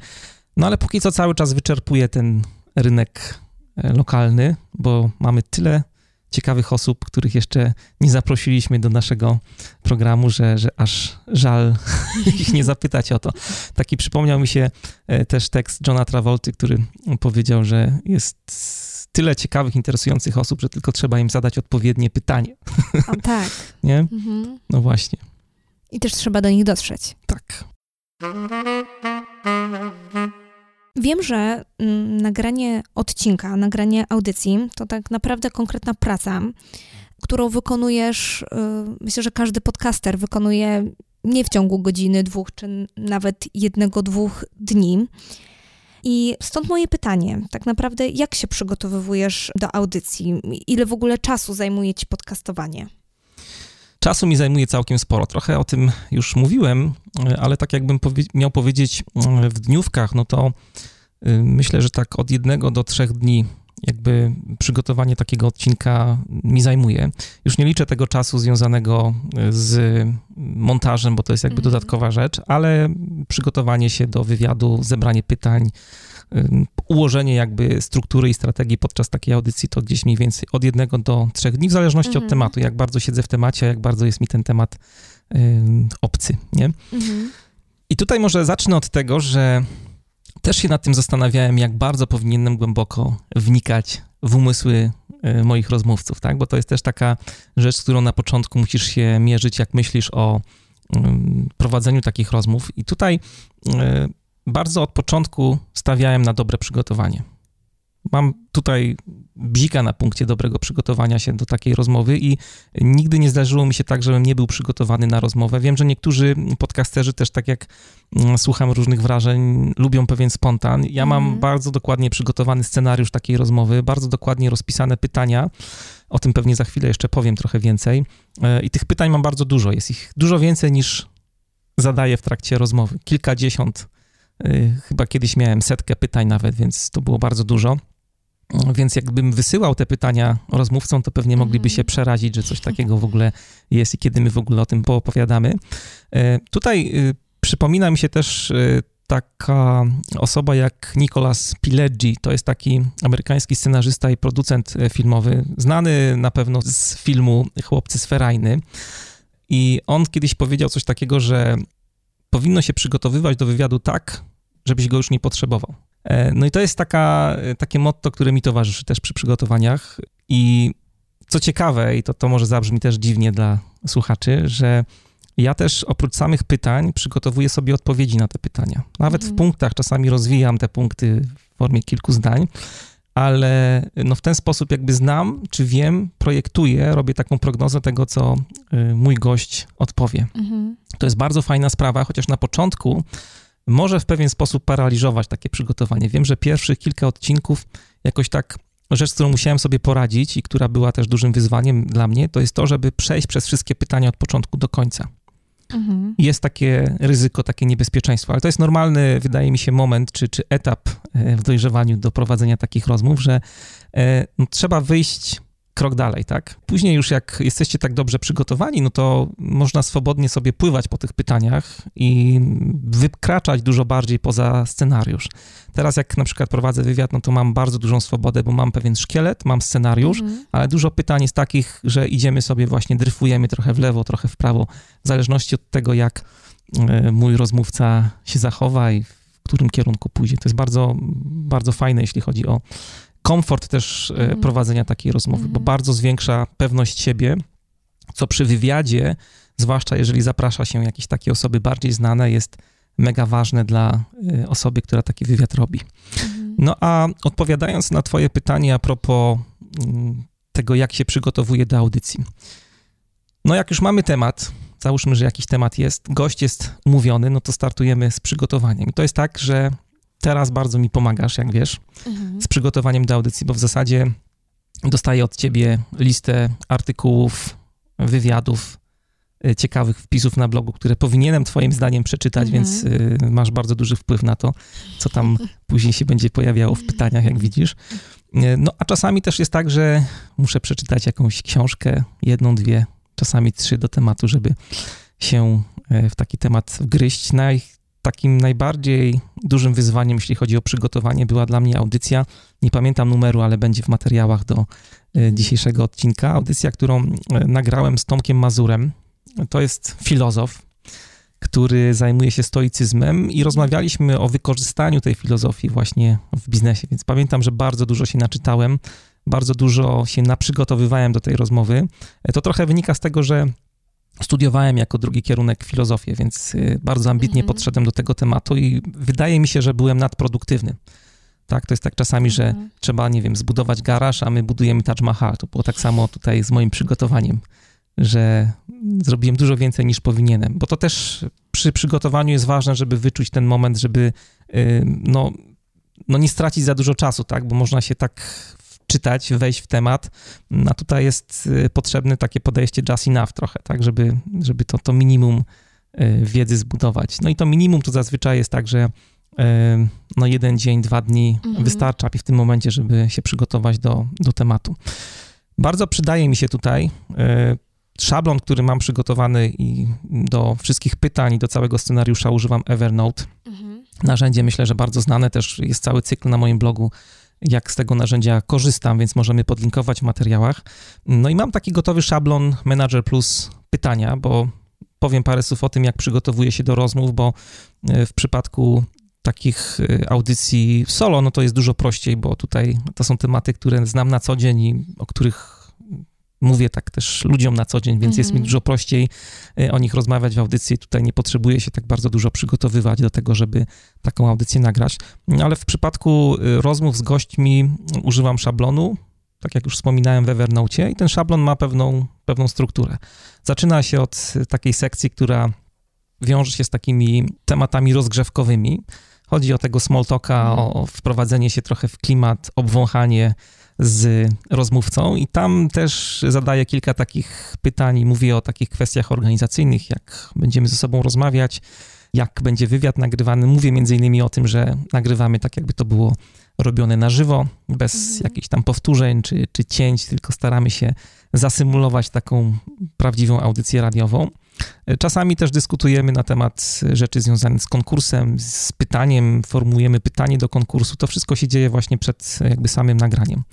No jak już mamy y, ten temat za sobą, tego obwąchania, no to y, przychodzimy do jakby tego meritum, czyli do, do, do samej rozmowy. Y, słuchacze pewnie wiedzą, że zaczynam zawsze od tego, kto jest moim gościem, na jaki temat będziemy rozmawiali. Kilka zdań na temat mhm. jakby tematu naszej rozmowy. I jest przywitanie, to też jest zawsze rozpisane w szablonie, bo jest dużo łatwiej wtedy, tak? Kto co robi, kto się czym zajmuje, czasami jakieś stanowiska dziwne się pojawiają, nazwy książek, które trzeba w miarę szybko wyrecytować. To bardzo ułatwia też, żeby właśnie wejść szybko w temat. No i kolejna, kolejna sekcja to są już pytania. Z pytaniami jest tak, że zazwyczaj zajmuje mi to kilka dni. Mm, próbowałem robić tak, że siadam i wymyślam wszystkie pytania na raz, zupełnie mi się to nie sprawdza i robię tak, że mam to podzielone zazwyczaj na dwa, trzy dni. Mhm. Pierwszego dnia siadam po prostu tak, jak mi strumień świadomości każe, notuję sobie całą listę pytań, które mi przychodzą jako pierwsze w ogóle takie, mm, pierwsze skojarzenia, pierwsze pytania, które chciałbym w ogóle zadać na bazie tego, co wiem, co słuchałem, na bazie rozmów, które gdzieś tam udało mi się wyhaczyć w internecie i to jest takie wszystko nieskładne, niepoukładane. Kolejnego dnia, jak już się prześpię z tymi pytaniami, to próbuję sobie je jakoś pogrupować. I zawsze jest tak, że pojawia się jako pierwsza grupa to takie pytania wprowadzające. Bardzo lubię w ogóle takie pytania, które e, wybijają rozmówcę ze strefy komfortu. Mhm. Jakieś takie pytania, nie wiem, na przykład o to, kim chciałby być jako dziecko, tak? Czy miał jakieś marzenia jako dziecko, na przykład. Takie pytania, które y, no, odbiegają od tematu, trochę odbiegają od tematu z którym, o którym rozmawiamy, tak? Bo to też pozwala zbudować taki, taki miły, przyjemny nastrój do dalszej rozmowy. Tego nie może być za dużo. Ja czasami też y, płynę z tymi pytaniami, wymyślam sobie tak już trochę dla fanu, że jest ich 10, a ich powinno być tak, no nie wiem, jeden do, do, do trzy takie mhm. pytania, takie rozgrzewkowe. No i później już są pytania w zależności od tego, jakim tematem się zajmujemy, tak? I też mam to wszystko pogrupowane. Mówiłem, że pytań jest dużo więcej niż, niż je zadaję to też z czasem przychodzi właśnie y, ten taki, takie wyzwolenie się z tego paraliżu i takiej, nie wiem, mobilizacji, żeby wszystkie pytania zadać z góry na dół. Jeszcze w określonym czasie. W określonym prawda? czasie, tak, bo też y, celujemy w 40 minut zawsze. Mhm. Zauważyłem, że tak, to są też takie moje obserwacje, że jest y, sporo osób, które po 40 minutach już tracą ten taki flow, tak? Mhm. Zwalniają na przykład, zaczynają się męczyć, Mm, to zależy od osoby znowu też, bo są osoby bardzo doświadczone, takie sceniczne i potrafią mm. rozmawiać, wiesz, przez dwie godziny na przykład. No ale staram się tak, żeby te wywiady były takie godzinne. No chyba najdłuższy taki wywiad y, to był wywiad z Markiem Kowalczykiem, żeśmy półtorej mm. godziny rozmawiali o y, zarządzaniu projektami i bardzo pozytywnie ten podcast był oceniony i ludzie pisali w komentarzach, że chcieliby jeszcze Marka raz mhm. usłyszeć w audycji. No jak już mam te pytania e, zebrane tak zusammen do kupy, to jest tam jeszcze e, w moim szablonie miejsce na outro, to jest te też kilka e, takich zdań podsumowania. Przypominam, kto był gościem tej audycji, kim jest ten gość, krótko. No i zawsze jest ten taki moment, że puszczamy jakąś muzyczkę i też odsyłam do konkretnego utworu, no i żegnam się ze słuchaczami. No i ta muzyczka to też jest element przygotowania, bo mam takie wrażenie, że wielu osobom wydaje się, że tak po prostu puszczam sobie jakiś utwór i tak jest, ale mhm. to jest też... Przemyślane. Tak, to jest też przemyślane i też y, trochę czasu mnie kosztuje, żeby te utwory podobierać. Korzystam w zasadzie z jednego serwisu, Yamendo. To jest taki serwis z darmową muzyką, dlatego że ta muzyka, która tam jest, też ma dobrą jakość i y, da się wyciągnąć z takich darmowych utworów jakieś takie czasami naprawdę perełki, które fajnie spuścić na koniec słuchaczom. No niestety jestem ograniczony tutaj licencjami, więc wszystkie utwory, które tam wynajduję są e, licencjami takimi darmowymi. To nie jest tak, że mogę sobie puścić jakieś utwory, które, no nie wiem, znacie z radia albo nie wiem, ze swoich ulubionych płyt, czy znam ze swoich ulubionych płyt. No i to wygląda tak, że tak dzień po dniu sobie włączam radio jazz najczęściej w Yamendo, bo jest tam taka opcja, no i wyciągam jakieś utwory, które dokładam później do listy e, Podcast Manager Plus. I później przy audycji mam już łatwo, bo z tej listy wyciągam mhm. jakiś utwór, który puszczam na koniec.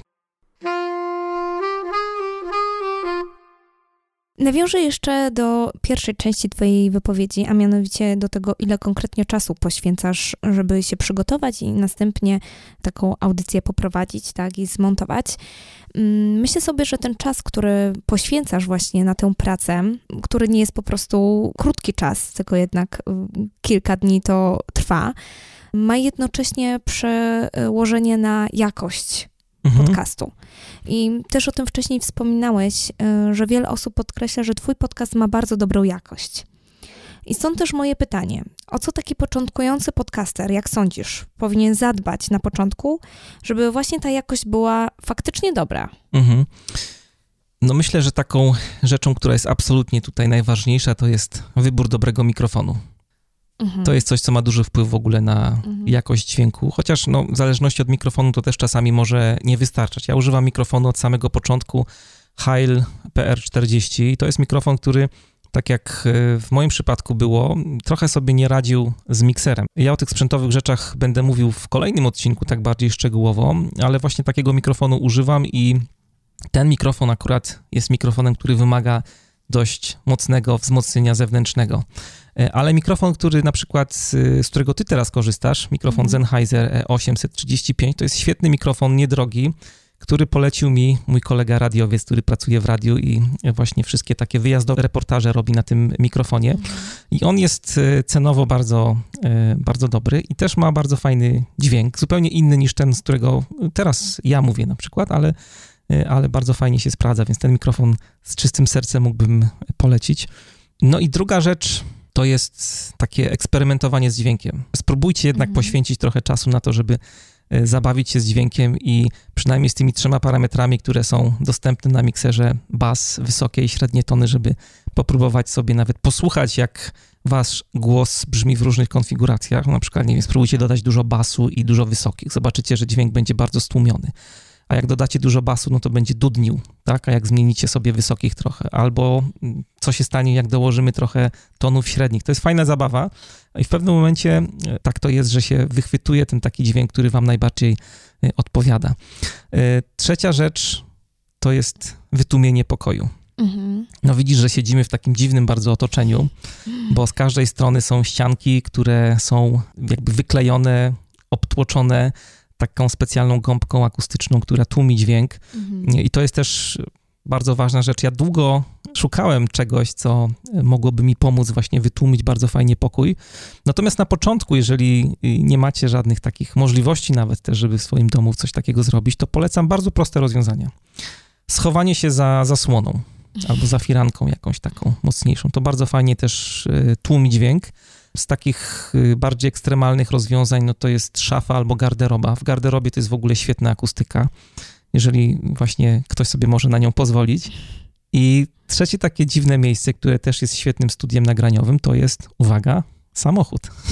O. Wystarczy się zamknąć właśnie w aucie, oczywiście bez, bez włączonego mhm. silnika i bardzo fajny mm. też jest, no bo w zasadzie z każdej strony jest jakieś tłumienie tam, tak, zastosowane, mm. więc... Mhm. Ale to chyba wtedy trzeba się oddalić y, od wszelkiego takiego zgiełku w centrum miasta, tak? To tak. można myśleć, żeby to było gdzieś w odosobnieniu. Ale to też może być przyjemne. Wyjeżdżasz sobie na jakieś piękne wzgórze gdzieś parkowe i parkujesz samochód z pięknym widokiem. Tak. To może nawet sprzyjać, I nagrywasz swoją audycję. Mhm. Zastanawiam się, co jeszcze tutaj można by podpowiedzieć, żeby zwiększyć trochę jakość. Powiem o takiej rzeczy dość dziwnej też i może nieoczywistej, to jest rozgrzewka przed audycją. Ja jestem takim dziwakiem, który przed... E, Masz na myśli aparat umowy, tak? Aparat umowy, tak. Mhm. No nie jakąś taką gimnastykę, bo no chyba, że ktoś Pajacyki. chce.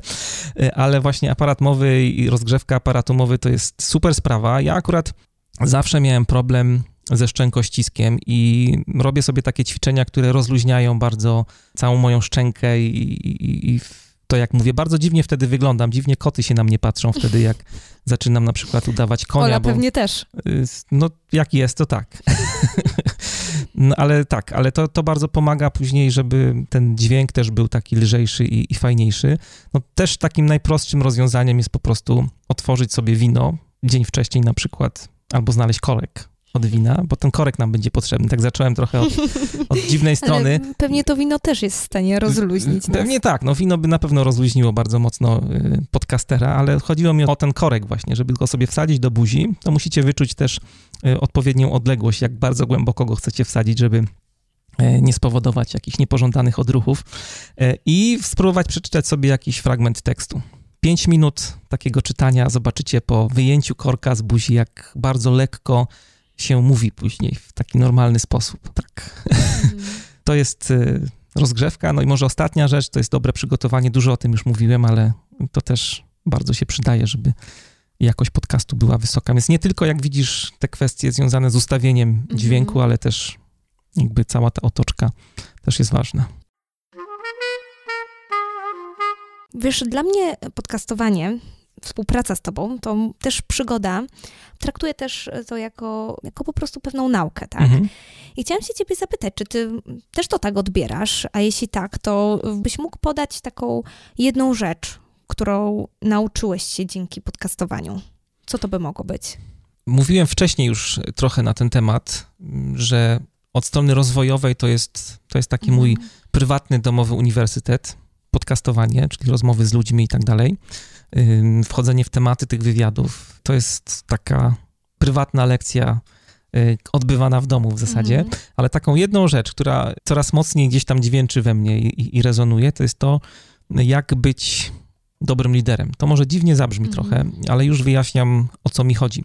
To się wiąże trochę z tym, jak prowadzę wywiady, jaki obrałem styl prowadzenia tych wywiadów, bo najczęściej niestety jest tak, jak obserwowałem i szukałem jakiejś swojej drogi, swojego głosu w tych e, audycjach e, podcasterskich, to no, dziennikarze, często także niestety podcasterzy, no, przyjmują taką pozycję trochę zagłuszającą rozmówcę. Mhm. W telewizji to bardzo fajnie widać, jak dziennikarz trochę e, chce być gwiazdą, chce trochę pogwiazdożyć i niestety zagłusza to, co ma ta druga osoba do powiedzenia, czyli gość. Był taki gość, który się nazywał Harrison Salisbury, to był taki amerykański dziennikarz, dostał Pulitzera też za, za swoją twórczość. No i on powiedział, że ta osoba, która przeprowadza wywiad, y, to jest trochę jak, jak ucho. Może się angażować, ale ten angaż w rozmowę nie powinien być jakiś taki bardzo znaczący, nie powinien być za silny, bo y, trzeba pamiętać o tym, że mhm. właśnie osoba, która prowadzi wywiad, to też jest oczywista oczywistość, ale nie jest najważniejszą osobą w tej, w tej rozmowie jakby rolą takiego hosta, osoby, która prowadzi wywiad, jest to, żeby stworzyć pewną atmosferę. Atmosferę, w której osoba, która jest gościem, będzie się czuła swobodnie, komfortowo, w sposób nieskrępowany, będzie mogła się poruszać i odpowiadać na pytania, które, e, które się zadaje. Ja nie jestem typem takiego podcastera, który stawia siebie na pierwszym miejscu. To też ludzie zauważają w komentarzach różnych, mm. że e, no jest specyficzny klimat w moich audycjach i e, daje dużą swobody osobom, które przychodzą do tych moich programów. I to też jest tak jak z tym cytatem Travolty, który przytoczyłem wcześniej, że każdy jest bardzo interesujący, każdy jest bardzo ciekawą mhm. osobą i tylko właśnie trzeba się skupić na takim właśnie byciu w cieniu trochę i umiejętnym zadawaniu pytań, żeby ta osoba się mogła y, otworzyć. Trzeba, mhm. tak jak perłopława nakłuć, to bardzo już ambitne porównanie, ale nakłuć właśnie takiego gościa, żeby pokazała się ta perła.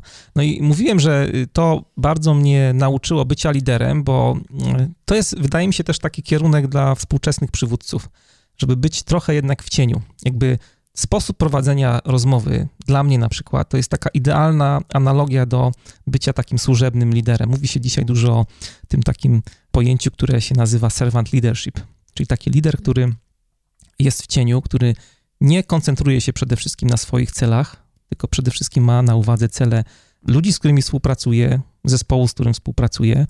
E, I to jest takie zarządzanie właśnie trochę jak podcastowanie takie w cieniu, tak? Że lider ma stworzyć pewną atmosferę e, do pracy, ma dać e, pewną swobodę, pewną autonomię ludziom, którzy z nim współpracują.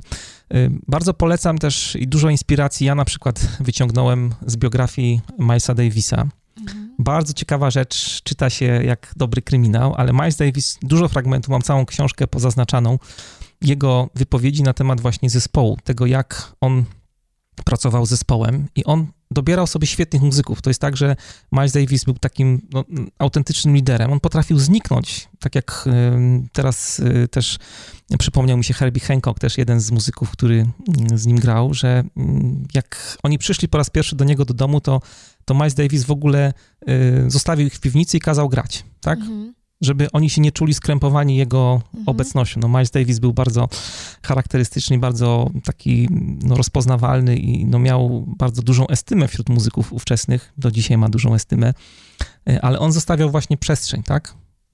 I Herbie Hancock też wiele razy mówił, że eksperymentowali z różnymi jakby podejściami do grania, do muzyki i Miles Davis im się w ogóle nie sprzeciwiał. Czuli, że mają swobodę działania. No i to jest właśnie dla mnie taka kwintesencja bycia liderem, zostawiać przestrzeń, dawać swobodę, autonomię ludziom, zespołowi, bo oni wiedzą najlepiej, jak tę rzecz zrobić, tak, jak wykonać zadanie, na którym się po prostu znają najlepiej. I trudne jest to też w podcastowaniu, to trzymanie języka za zębami. E, dla mnie było to bardzo trudne jest cały czas, bo przypominam sobie wywiad z profesorem Blikle, który też miał mhm. dużą słuchalność mhm. o firmach bez szefów. Mówiliśmy o organizacjach turkusowych. No i to był taki wywiad, w którym mógłbym rozmawiać sam ze sobą no znałem odpowiedzi na wszystkie pytania bardzo dobrze. W pewnych rzeczach bym zupełnie inaczej odpowiedział niż mm. profesor Blikle. Użyłbym innych przykładów. I wtedy dla mnie, pamiętam, jakoś tak mocno to przeżyłem, że to była duża trudność, żeby mm. No nie angażować się ekspercko w tą rozmowę, tak? Żeby nie gwiazdorzyć przy profesorze, bo, bo, bo mógłbym tak zrobić, tak? Mógłbym pokazać, że ja też się na tym znam. Że znam się na holakracji, że znam się na firmach turkusowych i tak dalej. Ale zostawiłem przestrzeń profesorowi, który jest tutaj bardzo dużym autorytetem w zakresie mhm. zarządzania i wyszedł bardzo fajny odcinek, ale on by zupełnie inaczej mógł wyglądać, gdybym, nie wiem, zaczął się wymądrzać i, i jakoś tam panoszyć w tym wywiadzie i mhm. pokazywać, czy używać nawet takich zwrotów, ja myślę moim zdaniem, bo to jest tak, a to jest tak i tak dalej, jak niektórzy y, dziennikarze uważają, próbując być ekspertami. To, to nie o to mhm. tutaj chodzi. Na koniec zostawiłam sobie takie pytanie, które też y, jakoś nawiązuje do tego, jak ty kończysz swoje podcasty. Mianowicie chodzi mi tutaj o muzykę. Muzyka na koniec odcinka to jest coś, co wyróżnia bardzo Twoją audycję. I najpierw chciałam się Ciebie zapytać, y, skąd to u Ciebie takie zamiłowanie do muzyki, y, no powiedzmy sobie, bardzo oryginalnej, tak? Czy chcesz nam powiedzieć, że y, jakoś też bardziej profesjonalnie zajmujesz się muzyką? No z muzyką jest tak, że to jest mój taki, to jest takie moje drugie życie trochę. Nie, nie, nie, mhm. wszyscy o tym wiedzą, ale ostatnio na Facebooku trochę się chwaliłem, że na przykład co kilka miesięcy wyjeżdżam z ekipą takich muzyków, którzy, mhm. z którymi bardzo dobrze się czuję też. Gramy jazz, jest takie kilkudniowe jam session e, i tam sobie mogę pograć też na kilku instrumentach, e, bo gram głównie na pianinie, ale też na gitarze, na, na mhm. perkusji. Ostatnio trochę próbuję sił na saksofonie. No i mam niesamowitą frajdę właśnie z grania. No i mhm. tak jak mówiłem trochę już w naszej rozmowie, że ta muzyka gdzieś zawsze od początku ze mną była i za mną wędrowała, a ta muzyczka na koniec, no to jest bardzo śmieszna rzecz. Może ciekawa, nie wiem, nie wiem czy śmieszna, ale y, dość taka rzecz, z którą no miałem dużo problemów, także, bo nie wiedziałem, jak ten temat ugryźć. Bo jak sobie posłuchasz standardowych takich nagrań podcasterów, to zazwyczaj muzyczka jest na początku, na końcu, no jest jakaś, jakiś content, jakaś treść w środku. No i ta mhm. muzyczka jest zawsze taka sama. Ona się jest, tak. jest ciszej albo głośniej, ale, ale zawsze jest to to samo. No ja chciałem jakoś ten podcast tak ożywić, zbliżyć do radia. Tak mówiłem, że moją dużą inspiracją są radiowcy Marek Niedźwiecki, Marcin Kiedryński. E, no i chciałem trochę wpuścić takiego tlenu, takiego oddechu do, e, do tej audycji. I też dostaję na przykład maile od ludzi, którym się bardzo podoba to, że wpuszczam ten taki cichy saksofon, taki jazzowy. Mm. Dzielę audycję na bloki, no i tam ten saksofon się pojawia w trakcie naszej rozmowy, że to też jest taki oddech dla nich, żeby złapać myśli na chwilę i przejść do kolejnego wątku. No, muzycznie się dużo dzieje w tym moim podcaście, to tak jak, mm. tak jak zauważyłaś. No a z, tym, z tą muzyką, no to długo się zastanawiałem nad tym i rozmawiałem z różnymi osobami, czy to ma sens, czy to nie ma sensu. bo chciałem jej włączać tej muzyki dużo więcej, tak żeby było bardziej jak w radiu. No ale y, dużo osób jednak powiedziało, że tutaj ludzie bardzo się fokusują na treści i chcą jednak mhm. od razu przechodzić do konkretów. Y, no i ostatecznie odszedłem od tego pomysłu, ale pomyślałem sobie, że na koniec, skoro to jest mhm. koniec, każdy może wyłączyć wcześniej to, y, to radio podcastowe, no to nikomu nie zaszkodzi, jak będę jakiś utwór puszczał. Mhm. I bardzo długo się zastanawiałem, czy w ogóle ktoś tego słucha, aż do momentu, jak ludzie nie zaczęli znowu pisać i też kończyć maile czasami nawet jakąś muzyczką, którą oni gdzieś tam wyłapali na YouTubie na przykład i podsyłać mi linki do tego, więc to jest bardzo miłe. No i cieszę się, że ten, ten wątek muzyczny na końcu gdzieś tam robi mhm. robotę. A tak e, dodatkowo jeszcze myślę, że też mogę uchylić rąbka tajemnicy. E, przymierzam się takimi małymi krokami na razie, ale już dużo działań podjąłem w tym kierunku, żeby mm. uruchomić taki podcast właśnie muzyczny. Mm-hmm. Chciałbym wypuścić go, jeżeli się uda, w przyszłym roku. To będzie jednych, jeden z moich celów takich na 2017. 10 odcinków.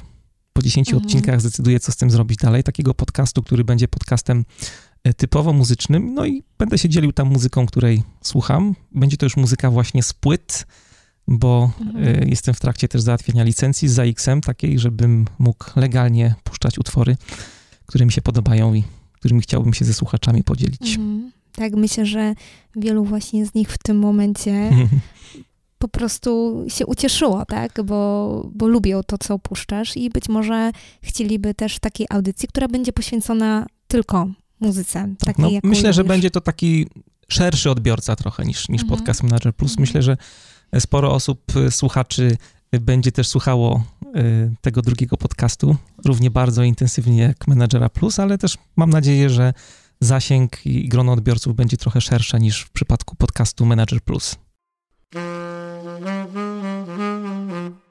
No dobra, no to co, teraz moja kolej prawdopodobnie, tak?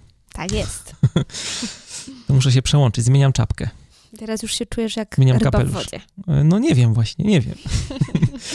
Powiedz Asiu tak, skąd ty się w ogóle znalazłaś tutaj w Menadżerze Plus? Um, dzięki tobie się tutaj mhm. znalazłam, a tak w zasadzie to konkretyzując, to znalazłam się dzięki Oli, mhm.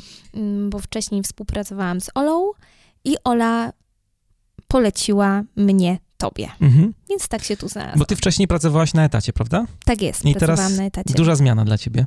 Duża zmiana, mhm. tak. Duża zmiana, ponieważ my współpracujemy zdalnie, czyli ja pracuję na co dzień z domu. Mhm. I faktycznie, no, nie jest to taki tryb, że przyjeżdżam do pracy, zasiadam za biurkiem i pracuję przez 8 czy tam więcej godzin. Wracam do domu i zajmuję się innymi rzeczami. Tylko faktycznie w tym momencie wygląda to tak, że to ja sama sobie projektuję ten dzień pracy. Mhm. Tak, to jest duża zmiana. Mhm. A co było największym wyzwaniem przy przejściu z etatu na taki tryb niezorganizowany? Może niezorganizowany to jest złe słowo, ale taki mhm. freelancerski. Wiesz co, chyba muszę w ogóle powiedzieć, że e, to jest proces wdrażania mnie w ten nowy styl pracy, który jeszcze trwa, bo tak naprawdę współpracujemy ze sobą no, od niewiele ponad trzech miesięcy, tak? Mhm. Więc ja dopiero uczę się też takiej pracy zdalnej, jakkolwiek zawsze myślałam, że to jest coś, co chciałabym spróbować. Spróbować być po prostu niezależną i formułować ten dzień tak, jak ja chcę. Mm, wyzwaniem e, dla mnie myślę, że było po prostu to, nawet nie ułożenie dnia, tak, żeby znaleźć czas na mhm. pracę, mhm. bo jakby z tym nigdy nie miałam problemu. Nawet y, mam taką w ogóle teorię, że, że w momencie, kiedy zaczęłam studiować drugi kierunek, to tak naprawdę lepiej radziłam sobie z organizacją czasu, aniżeli gdy miałam tylko jeden, tak. Miałam więcej no tak. zadań, obowiązków i wtedy lepiej sobie mogłam to ułożyć, tak, że ze wszystkim się wyrabiałam. Więc powiedziałabym, bardziej wyzwanie jest po prostu dla mnie to, że kompletnie to, co robię teraz, różni się od tego, co robiłam wcześniej. Mhm. Tak, ale to jest takie wyzwanie bardzo na plus. Bardzo na plus. A jak zareagowałaś w ogóle, jak ci zaproponowałem pracę? Mm, wiesz co, y, na samym początku byłam w ogóle bardzo zaskoczona, ale y, im dłużej o tym myślałam, tym bardziej się w to wkręcałam, ponieważ od dłuższego czasu w ogóle sama słuchałam wielu podcastów.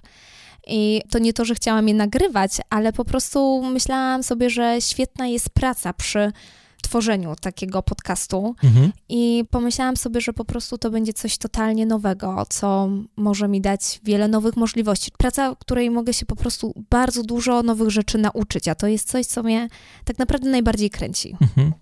No gigantycznie mnie odciążasz w ogóle przy podcastach. Był taki moment, że ja już e, przestałem ogarniać kuwetę, jak to się mówi. Mhm.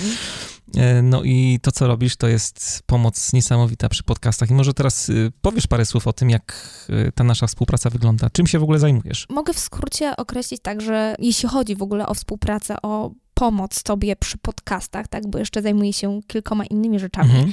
to ograniczając się do podcastów, to po prostu mogę powiedzieć, że moja praca polega na tym, że ja zajmuję się kontaktem z gościem i całym tym procesem od umawiania do później po publikację y, danego odcinka, tak? Czyli zajmuję się tym, żeby umówić gościa na dany termin, żeby się z nim skontaktować i w ogóle zaprezentować nam nasze zaproszenie, naszą propozycję udziału w audycji. Następnie też pomagam Tobie w tym sensie, że dokonuję pewnego researchu, też przed nagraniem, różne źródła, z których możesz skorzystać przy okazji tworzenia w ogóle scenariusza rozmowy a następnie później też kontakt w momencie, kiedy już następuje wypuszczenie mhm. odcinka do sieci, do internetu. I wtedy ponownie się kontaktuję, żeby po prostu poinformować gościa, że ten odcinek już jest. No tak skromnie mówisz, że tylko się zajmujesz kontaktem, bo ja tutaj dodam, dośpiewam trochę, że w zasadzie koordynujesz cały ten projekt. Moja rola się sprowadza do tego, że e, mam wywiad, y, przygotowuję treści, podsyłam ci czasami gdzieś tam właśnie z podróży jakiegoś MMS-a ze mm -hmm. zdjęciem książki, piszę, muszę go mieć, nie? tak jest, tak robisz. Nie wiem, co zrobisz, ale, ale musisz go ściągnąć albo ją ściągnąć do tej mm -hmm. audycji. Także mhm. czasami tutaj dostajesz ode mnie takie tylko luźne wątki. E, no i to tak jest, że Warto chyba powiedzieć, że e, tutaj taką naszą bazą czy platformą do zarządzania tymi wszystkimi odcinkami jest narzędzie Trello, tak? Tak, używamy mhm. Trello, do tego jest specjalna tablica. E, szukaliśmy różnych tutaj narzędzi, ale Trello chyba zwyciężyło w ogóle mm, w tych różnych aplikacjach, które by nam pomagały przy ogarnianiu mhm. właśnie wszystkich podcastów. E, no ja też mam e, swoją tablicę, Trello, mhm. gdzie wrzucam różne pomysły. To nie jest tak, że Asia dostaje ode mnie całą listę rzeczy, na przykład, nie wiem, 50 pomysłów na podcasty, bo akurat ja też tak mam, że nie mam problemów z tematami, tak? I przy mhm. blogu ich jest dużo więcej niż jestem w stanie przetworzyć czy napisać, ale umówiliśmy się w ten sposób, że ja mam swoją listę tematów na oddzielnej tablicy, żeby nie denerwować Asi, a Asia dostaje tylko takich 10 najczęściej mhm. tematów, które są już tak wyselekcjonowane, że wiem, że chciałbym je mieć tu i teraz, tak, żeby je zacząć umawiać. Tak? Tak, tak jest. E, no i co dalej? Załóżmy, jakbyśmy mogli pokazać cały taki proces mhm. E, umawiania gościa, jak to wygląda. Od takiego MMS-a od Mariusza, chcę go mieć, do wypuszczenia odcinka. Jakbyś tak krok po kroku mogła przejść przez cały proces, który robisz. Mhm. Więc tak, po pierwsze dokonuję researchu pod względem tego, jakim kanałem mogłabym się skontaktować z mhm, gościem. Mm -hmm. Czy to jest bezpośredni e-mail, czy telefon, choć to niestety rzadkość, czy czasem zdarza się tak, że po prostu nie znajdę ani jednego, ani drugiego, tak? Więc tutaj wtedy wspieram się takim kanałem jak na przykład firmy, z którymi dane osoby współpracują, albo też inne portale, y, gazety, w których te osoby już udzielały wywiadu. Tutaj tędy próbuję jakoś dotrzeć do kontaktu już nawet nie chodzi mi o to, żebym ja otrzymała kontakt już bezpośrednio do gościa, ale przynajmniej, żeby to nasze zaproszenie zostało przekazane, żeby po prostu ten gość wiedział, że ktoś taki jak y, my chcemy zaprosić go do naszej audycji. Więc to jest jak gdyby pierwszy krok wyszukiwanie kontaktu. No i dodajmy, że szukanie tych kontaktów to nie jest taka też prosta rzecz, bo najłatwiej mhm. jest, jak faktycznie ktoś jest osobą jakąś taką rozpoznawalną i jest jakaś agencja, czy jest menadżer, który się tą osobą mhm. zajmuje i do tej osoby można dotrzeć jakoś tak w miarę sprawnie, ale no tak jak mówisz, uderzasz różnymi kanałami i czasami te kanały są bardzo dziwne. No ja na przykład ostatnio byłem u fryzjera i podsłuchałem tak. rozmowę, że y, klientem y, właśnie Tomka, właśnie fryzjera, który mnie strzyka mhm. akurat, jest taka, taka osoba, która się zajmuje savoir vivre. No i mówię, bingo, no przecież ja chcę zrobić audycję o savoir vivre w biznesie, nie? No i Asia dostaje telefon ode mnie, żeby zadzwoniła do takiej a takiej osoby i spróbowała się umówić na wywiad. Tak, i tak naprawdę to jest e, taka wymarzona sytuacja, kiedy już mam bezpośredni numer do gościa i po prostu w ciągu kilku minut mogę wiedzieć, na czym stoimy, czy po prostu taka osoba jest zainteresowana i możemy rozpocząć dalsze rozmowy o tym, kiedy ewentualnie mogłaby nastąpić taka rozmowa. To jest po prostu dla mnie idealna sytuacja. Mhm. No czasem jest trudno, tak? Te kontakty potrafią się ciągnąć miesiącami. Tak jest, tak. tak niektóre osoby takie bardziej znane, no to tak 6 miesięcy trzeba liczyć minimum, żeby e, umówić taką, taką rozmowę, tak? Tak, a czasem nawet um, 6 miesięcy czeka się na jakąkolwiek odpowiedź, że no jednak nie w tym momencie i trzeba czekać kolejne miesiące, żeby, żeby znalazł się ten dobry, właściwy moment. Mhm. No to jest y, też tak, że trzeba sobie uświadomić to, że my jesteśmy kontaktem jednym z wielu. Ci ludzie dostają setki, jeśli tak nie jest. tysiące maili. No i nasz mail gdzieś tam się pojawia jako jeden y, z tysiąca właśnie i no, kwestia jest tego, żeby ktoś nas dostrzegł i wyłowił to zaproszenie. Mm -hmm, tak. Więc jak gdyby to jest ten pierwszy etap. Drugi etap to jeśli już mam odpowiedź od gościa i jest on zainteresowany taką rozmową, to po prostu w drugim kroku staramy się ustalić termin takiej rozmowy. Mhm. Zazwyczaj to wygląda w ten sposób, że ja mając dostęp do Twojego, Mariusz, kalendarza, wiem, kiedy jest czas, kiedy możemy sobie pozwolić na takie nagranie, kiedy po prostu ty jesteś obecny, ale też, y, żebyśmy mieli jakiś zapas czasu, żeby po prostu przygotować się do tego wywiadu, mhm. tak, y, odpowiednio. Więc zazwyczaj to wygląda w ten sposób, że ja proponuję dwa, trzy terminy, ale też zaznaczam, że jeśli żaden z tych nie odpowiadałby, to po prostu jak najbardziej on sam może zaproponować dogodny mhm. termin i wtedy my się dostosujemy, mhm. bo wiadomo, jednak my tutaj wychodzimy z takiej pozycji, że my zrobimy wszystko, żeby to nagranie doszło do skutku, więc my się po prostu też pod względem terminu dopasujemy. No i to czasami nie jest takie kolorowe i poukładane, jakby się mogło wydawać, mhm. bo e, chodzi tutaj głównie o takich gości, no mieliśmy kilka sytuacji ostatnio takich, że w zasadzie już było tak luźniej, już mieliśmy terminarz fajnie poukładany z audycjami, no i nagle się odzywa kontakt, na który czekaliśmy, nie wiem, od 7 czy 8 miesięcy i ta osoba akurat w czwartek o godzinie 10 ma czas i trzeba zrobić wszystko, żeby to nagranie się udało. No to tak wtedy jest. stajemy na głowie, żeby faktycznie taki wywiad nagrać, bo to są osoby, na których na przykład nam bardzo zależało, mhm. no ale rozwala to totalnie, zwłaszcza mój kalendarz, mhm. żeby takie nagranie zorganizować. Tak, ale ja to właśnie bardzo cenię w tobie, Mariusz, że i, zawsze zastanawiam się, jaka będzie twoja reakcja, gdy zadzwonię i mówię, słuchaj Mariusz, mamy rozmowę z tą osobą, na którą czekamy od pół roku, ale to będzie za cztery dni. Mhm. I jakby, tak jak mówię, cenię to w tobie, że jesteś w stanie powiedzieć, ok, robimy to, tak? Mhm. Dlatego ja też zawsze e, w miarę możliwości staram się jednak tak planować te rozmowy, żeby nie były one tak e, nawet tydzień po tygodniu, ale żeby jednak była jakaś przerwa dwutygodniowa, zwłaszcza, że tak jak wcześniej mówiłeś, no jeszcze masz inną pracę, tak? E, nie tylko zajmujesz się podcastowaniem, więc masz też inne zlecenia, które są wpasowane w twój kalendarz i musimy je brać pod uwagę. No i ja lubię bardzo nagrywać w piątki, to, tak. Asia, y, wiesz o tym, nie? Że o 10 zawsze najlepszy taki termin, mhm. też jest inny głos, lepiej jest to zrobić przed południem niż po południu, bo jest taki bardziej właśnie basowy głos. Mhm. Wszystko kwestia jakości, nie? Tak. Więc to bym powiedziała, że to jest kolejny krok. Drugi, umówienie terminu spotkania.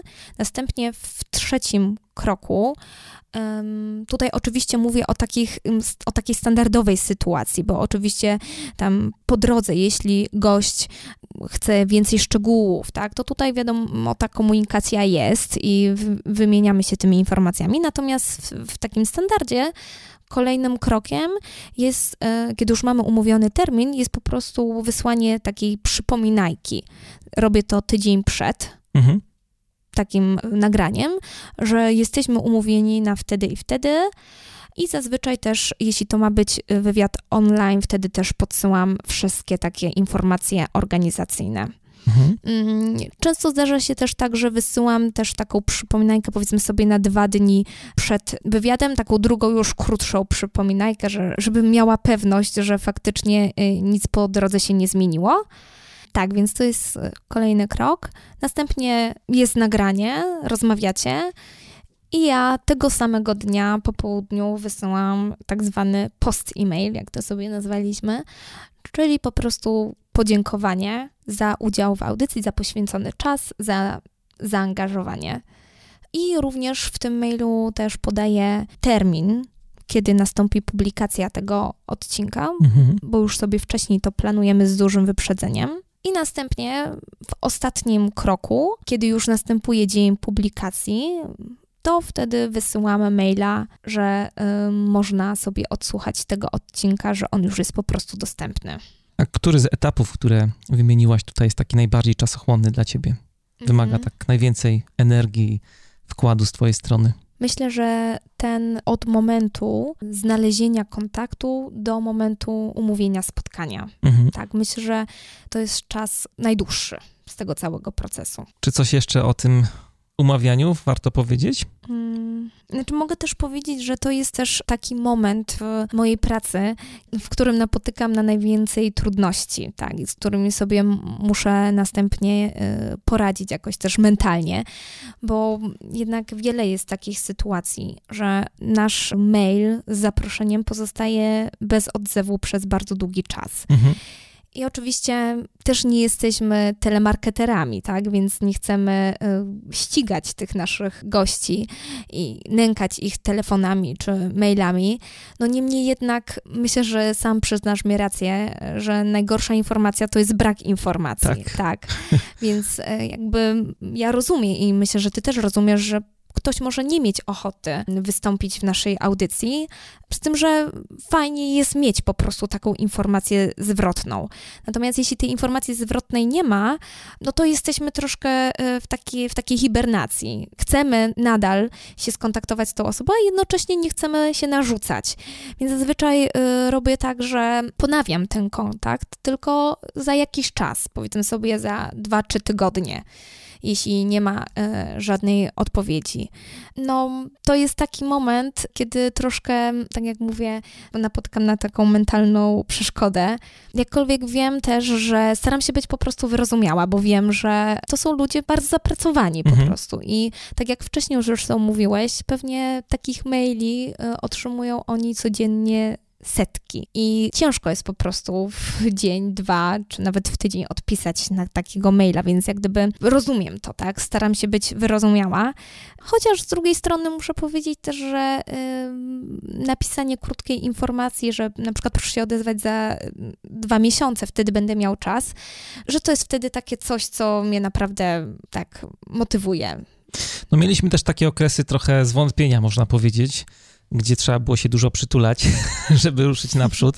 E, no ale to też jest normalne tutaj, że są takie momenty, że no nagle jest przestój, tak? My nagrywamy te odcinki z takim, e, cały plan tych odcinków jest tak poukładany, że do trzech miesięcy mamy jakby zapas cały czas, jakby to jest taka, mm. taki bufor, który cały czas wypełniamy, no i jest zawsze e, ta możliwość i ten komfort, że ja mogę nagrać jakieś odcinki indywidualnie, jakieś nagrania solo, no ale mimo wszystko tutaj ważne jest, żeby też ten moment przezwyciężyć, że to jest normalne, mhm, tak? Że tak. w pewnym momencie będzie tak, że nie będzie odzewu albo ludzie będą odmawiać i bardzo różnie ten proces wygląda. Czasami już też mieliśmy takie osoby, że wydawało się, że nie, mhm. że się nie da i nagle okazuje się, że e, jakiś tam asystent czy, czy menadżer mówi, że e, jest szansa i mhm. spotkamy się wtedy i wtedy. Wtedy jest okienko, i możemy nagrywać. Tak, albo wręcz odwrotnie. Była kiedyś też taka sytuacja, że mieliśmy kontakt z daną osobą, tak naprawdę regularny, tylko że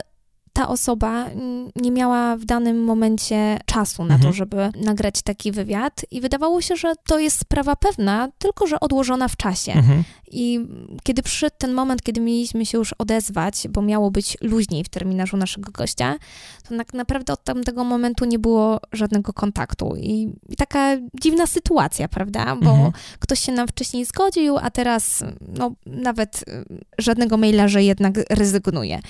No ale tak się zdarza, tak, tak jak mówisz, to jest normalne. Mhm. A co jest teraz takim największym wyzwaniem dla ciebie w tym, mm. co robimy? Nasz kolejny projekt. No. Nasz kolejny projekt. To może coś powiemy. Chcesz się zdradzić? no czemu nie? Tak, nasz kolejny projekt, czyli kurs online, który w tym momencie projektujemy, przygotowujemy. No naprawdę fajna rzecz, sporo pracy ale wielka frajda. Mhm.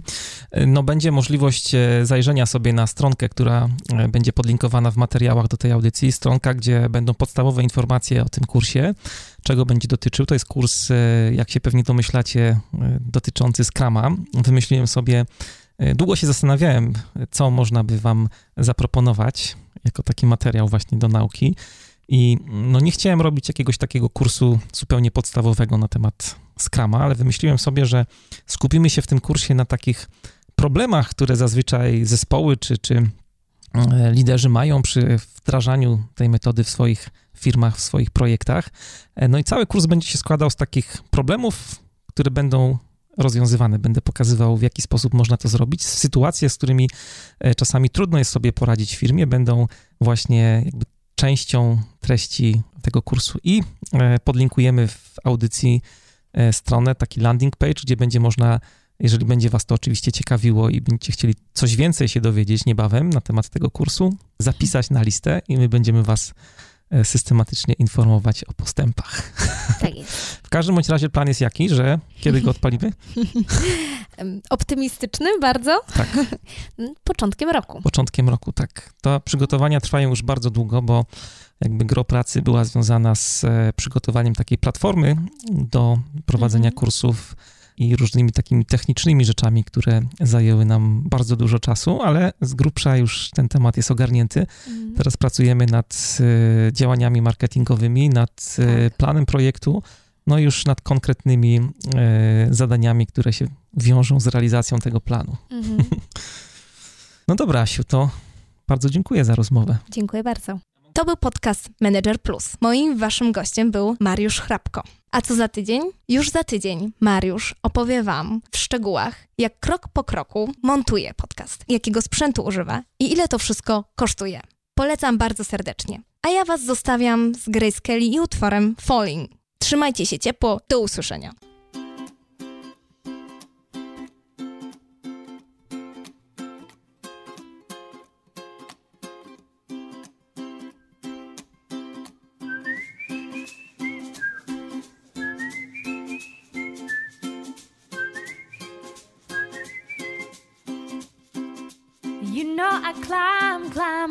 Mountain. You know I'd walk for miles. If you were drowning, I'd jump right in. You know my heart lives on my sleeve, darling. I can't help myself. Oh, here's to falling. I'm falling in. I'm falling in. I'm falling in. Oh, here's to taking chances. I'm falling in.